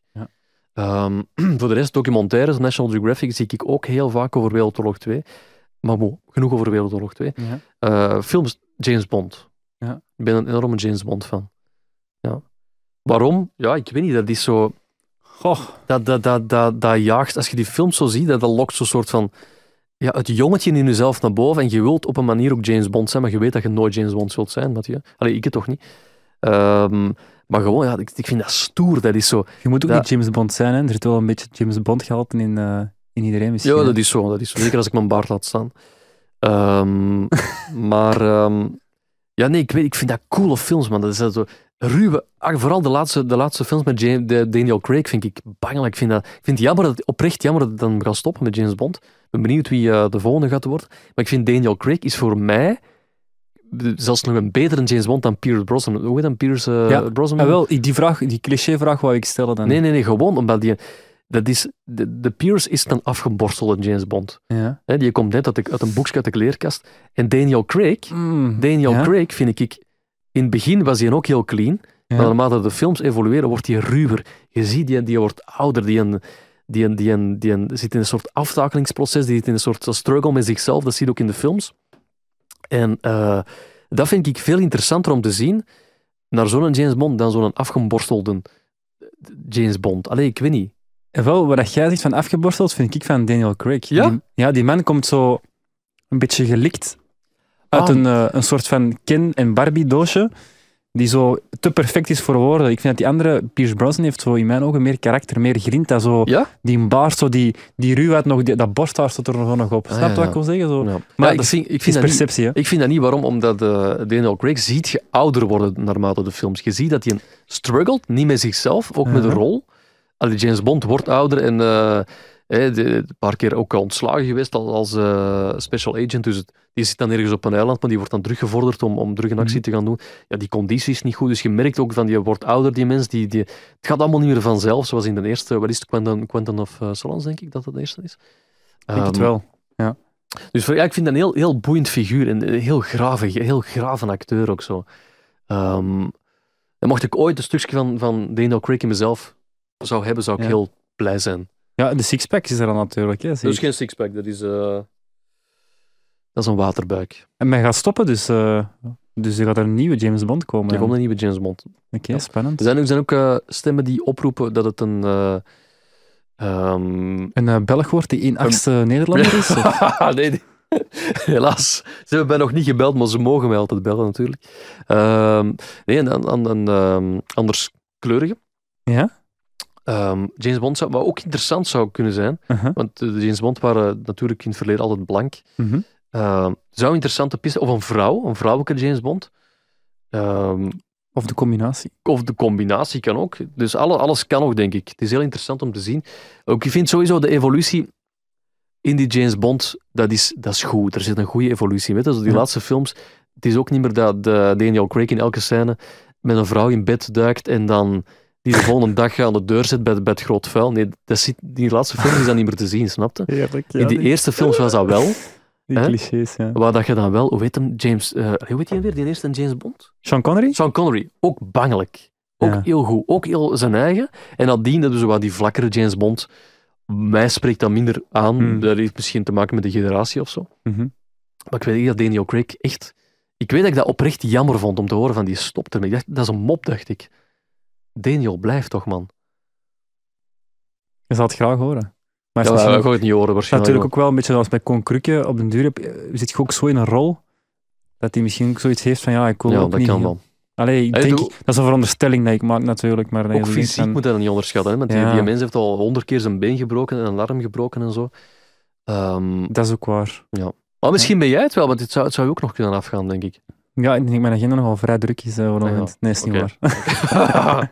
ik weet niet, ik zie mijn eigen niet als James Bond in alle eerlijkheid. Ik zou het ook niet echt... eh, ja, ik weet niet, nee. Nee? nee. Maar moest ik casting eh, doen voor James Bond, ik zou zeker naar u bellen, zijn Michael. Ja, dat zegt je gewoon uit sympathie waarschijnlijk. Dat doet je Eigenlijk wel, ja. maar ik zou sowieso wel bellen. Je kunt altijd maar proberen. Hè. Ik, niet? Ik, kan bedoel, wel, ik, wil ik wel ben niet de enige die waarschijnlijk beslist over de nieuwe James Bond. Nee, dan, nee, hè. nee, Dus, eh. Ik wil wel graag figurant zijn. Ja? Ja, Ook bij James Bond, tuurlijk ja? wel. Ja. Ik moet zelfs geen tekst hebben. Steek mij gewoon in die, in die film als figurant. Zou is er geen, eh, geen in de picture, maar dan op eh, wereldvlak? Dat zou kunnen, dat weet ik niet. Dat moeten we eens opzoeken. zou wel cool zijn. Ja. Misschien nog een laatste vraag om af te sluiten, eh, Mhm. Michael. Zijn er eigenlijk dingen die mensen niet van jou weten en je graag zou willen delen? Oh, ze, waarschijnlijk wel, maar ik denk, dat niet heel veel mensen kennen mij, denk ik.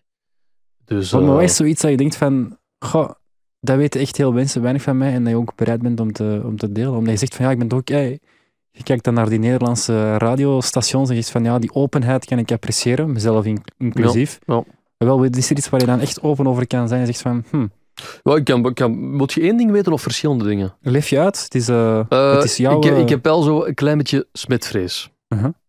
Dus ik was eigenlijk, weet je, in coronatijd begon iedereen zo te spuiten met spuitertje. ja. Ik heb dat altijd bij mij. En ik, was, ik had dat ook al bij mij voor corona. Dus ik had dat ook al voor mij voor corona. Dus ik was eigenlijk de trendsetter van de ontsmettingsspray. Hè? Nu, dus ik heb een beetje smetvrees. Ik weet dat ik er moet eh op letten. Maar dat is eigenlijk niet gezond als je dat hebt. Omdat ik, ik, ik raak ook nooit klinken aan. Oké. Dus ik heb een manier, een bepaalde manier om hier de klinken op werk open te doen. We hebben zo op, vanaf, vanaf het moment dat je op de wc komt, hebben we zo'n bolklink. Ja. Ik heb ook zo'n hanger, hoe heet dat, zo'n zo'n eh, zo'n sleutelhanger. Ja, maar ik heb je nogthans die deur zien dicht doen. Dat was toch met je handen, denk ik. Was dat met mijn handen? Wil natuurlijk geen paniek geven, Dan, maar... dan hebben ze mij betrapt op een, op een ja, moment. niet. eh, Maar goed. doet je me twijfelen. Even over die klink. Dus ik hang die sleutelhanger er gewoon over en ik trek die deur open. Dus ik heb, voor elke klink heb ik intussen al een manier ontwikkeld om die deur te openen zonder dat effectief aan te raken. Klein beetje ziek, ik weet het, ik zie u zien daarmee. Ehm, maar ehm, ja, smetvrees heb ik wel een beetje. ja. Ik moet daar wel echt mee opletten, want dat kan, dat kan wel de verkeerde kant op gaan, dat dat echt ziekelijk Ja. wordt. Bijvoorbeeld als ik hier toekom in de studio, Ja. de mensen van de techniek, ik hoop dat ze het niet horen, maar ik ontsmet heel die studio. Zeker in tijden van corona. Ik heb zo'n ontsmettingsspray op mijn bureau en ik Ja. ontsmet alles. Die microfoonarmen, die knoppen, dat toetsenbord. Ik begin nooit aan, die, aan dat programma voordat dat die studio proper is. Geeft je dat dan een gerust gevoel? Ja, Of absoluut. bent je ook iemand die dan vaak zijn handen wast? Of zit daar niet mee in... eh, Oh, jawel, ja, ça va. Ja, het is dat niet dat je een klink aanraakt en denkt van oh, ik ga nu zes keer mijn handen wassen. nee, nee, dat niet. Maar zo erg is het nu ook weer. Afwassen kan ik ook niet zonder van die handschoenen. Echt? Maar Ah, je, je was toch even met drift of weet ik veel? Ja, dat is ook super nee, nee, nee, nee. Oh, jongen. Moet Ah, maar je die veiligheid tot dat borst moet als ik, aanraken. bij u, als ik bij u thuis kom, Ja. en je vraagt aan mij, kun je de afwas even mee komen doen? Je denkt toch niet dat ik met mijn handen in dat water ga zitten, vriend? Vergeet het maar, hè. Ik ga er enkel in als ik van die handschoenen aan heb, hè. Ik zou dus- het niet direct vragen ook niet om dat vast te doen. Ze. Oh, ja, maar ik zal het wel doen met veel plezier. Geeft je ook mensen dan, of je gasten, eh, een hand dan?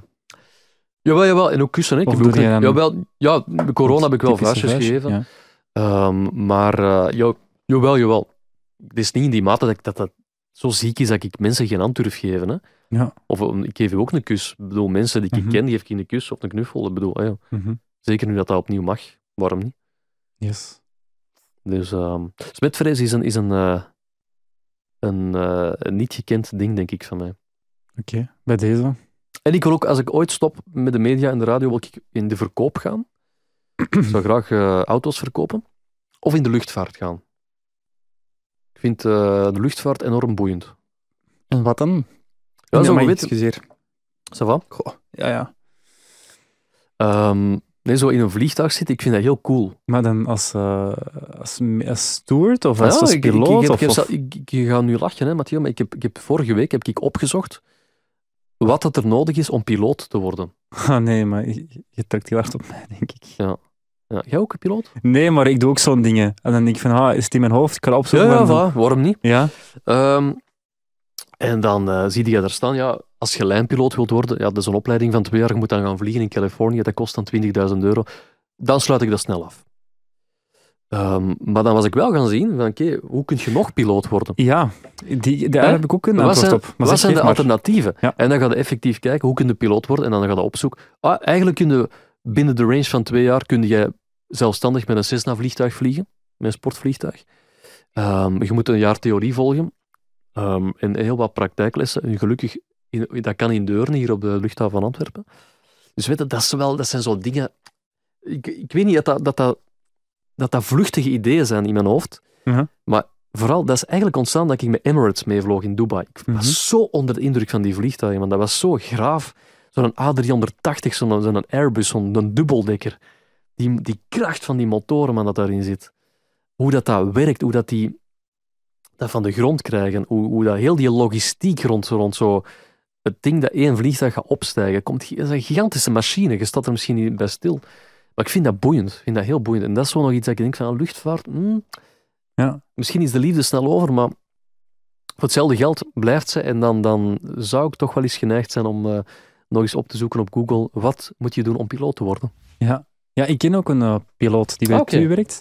Dus misschien kan, eh, kan ik hem uitnodigen voor de podcast en jou ook als, als surprise guest. Ah, wel? om de, de fascinatie van Ik heb- Ik, hoe heet die mens? Maxime Verspreid. Maxime Verspreid. Ja, werkt bij TUI als eh, ja, lijnpiloot. En Ah, eh, die man heeft mij ook verteld trouwens, om ook een antwoord te geven van hoe word ik nog piloot. Ik kan ook bij maatschappij gaan werken en ehm, zij betalen de opleiding voor jou om piloot te worden. Ah, oké. En dan kun je eigenlijk, ehm de eerste twee, drie jaar denk ik, krijg je dan wel een minder loon, wat nog vrij deftig is. Mhm. Ik mag, eh, mag horen van eh, Maxime. Dan- Hoeveel is eh, dat loon? Mogen we dat weten of niet? ja, maar het is niet Maxime, want Maxime heeft de opleiding eh, zelf betaald en daarvoor gedaan. Ja. Maar ik denk dat je nog altijd, ehm, denk 2,5, 3 net verdient. Oh ja, dat is... Dat is Ehm, als, je, ja, als je loon, ehm, ja, zo gezegd, moet, je moet je opleiding terugbetalen. en je moet Mhm. het terugverdienen, want ja, het is uiteraard ook een commerciële organisatie. Ja. Maar dat is wel een heel toegankelijke optie. Dan moet je inderdaad wel een bepaalde tests en proeven doen waar je Mhm. moet voldoen. Maar bon, dat kost 0 euro, kost enkel een beetje energie en tijd. En dan kan je bij wijze van aan, eh, aan de slag gaan. Ik, ik wil wel eens met die mens praten. Ja, is Ik goed. heb, ik, heb wel, ik heb wel vragen voor Maxime, denk Ja. ik. Sowieso, breng die contact. Ja. Dat was top, man. Je jij misschien- zou, sorry, jij zou ook een goede piloot zijn trouwens. Ik zie je ook echt volledig in dat... Zelfs steward zie ik ook doen. Anders, moeten, we, zeg, anders moeten we samen steward. Wat denkt de vriend? Samen zo, voor Emirates dan, dan kunnen we in Dubai Emirates, wonen. voilà. Hey, maat. Oh, jongen. Ons leven is, is nu gepland bij deze. Kijk, voilà. wat een podcast al niet hè, kan doen eigenlijk. Dat is zeker. Kunnen we nog afsluiten met een heel cool geluidje? Of, eh, Zeker, jongen. Wil je anders op de knopjes duwen? Ja, maar ik kan zien wat er eigenlijk allemaal... eh raak ik zo ver? De draad is kort, dus je moet even Wacht, naar mijn koptelefoon zit... Ja, oké. Je kunt hem meepakken in je hoofdtelefoon, dat is het voordeel. Dus voilà, hier op het bakje. Oh ja, meteen het logo kapot. Tuurlijk wel. Allemaal kapot. Amai. Voilà. Ja. Dus eh, ja, je hebt, je hebt het bakje, er staan vooral geluidjes in de rechter... ehm, de rechterkolom. Dus, dat er is- allemaal gewoon cijfertjes bij. Het is niet dat het eigenlijk is eh, benoemd. dus doe het maar een keer.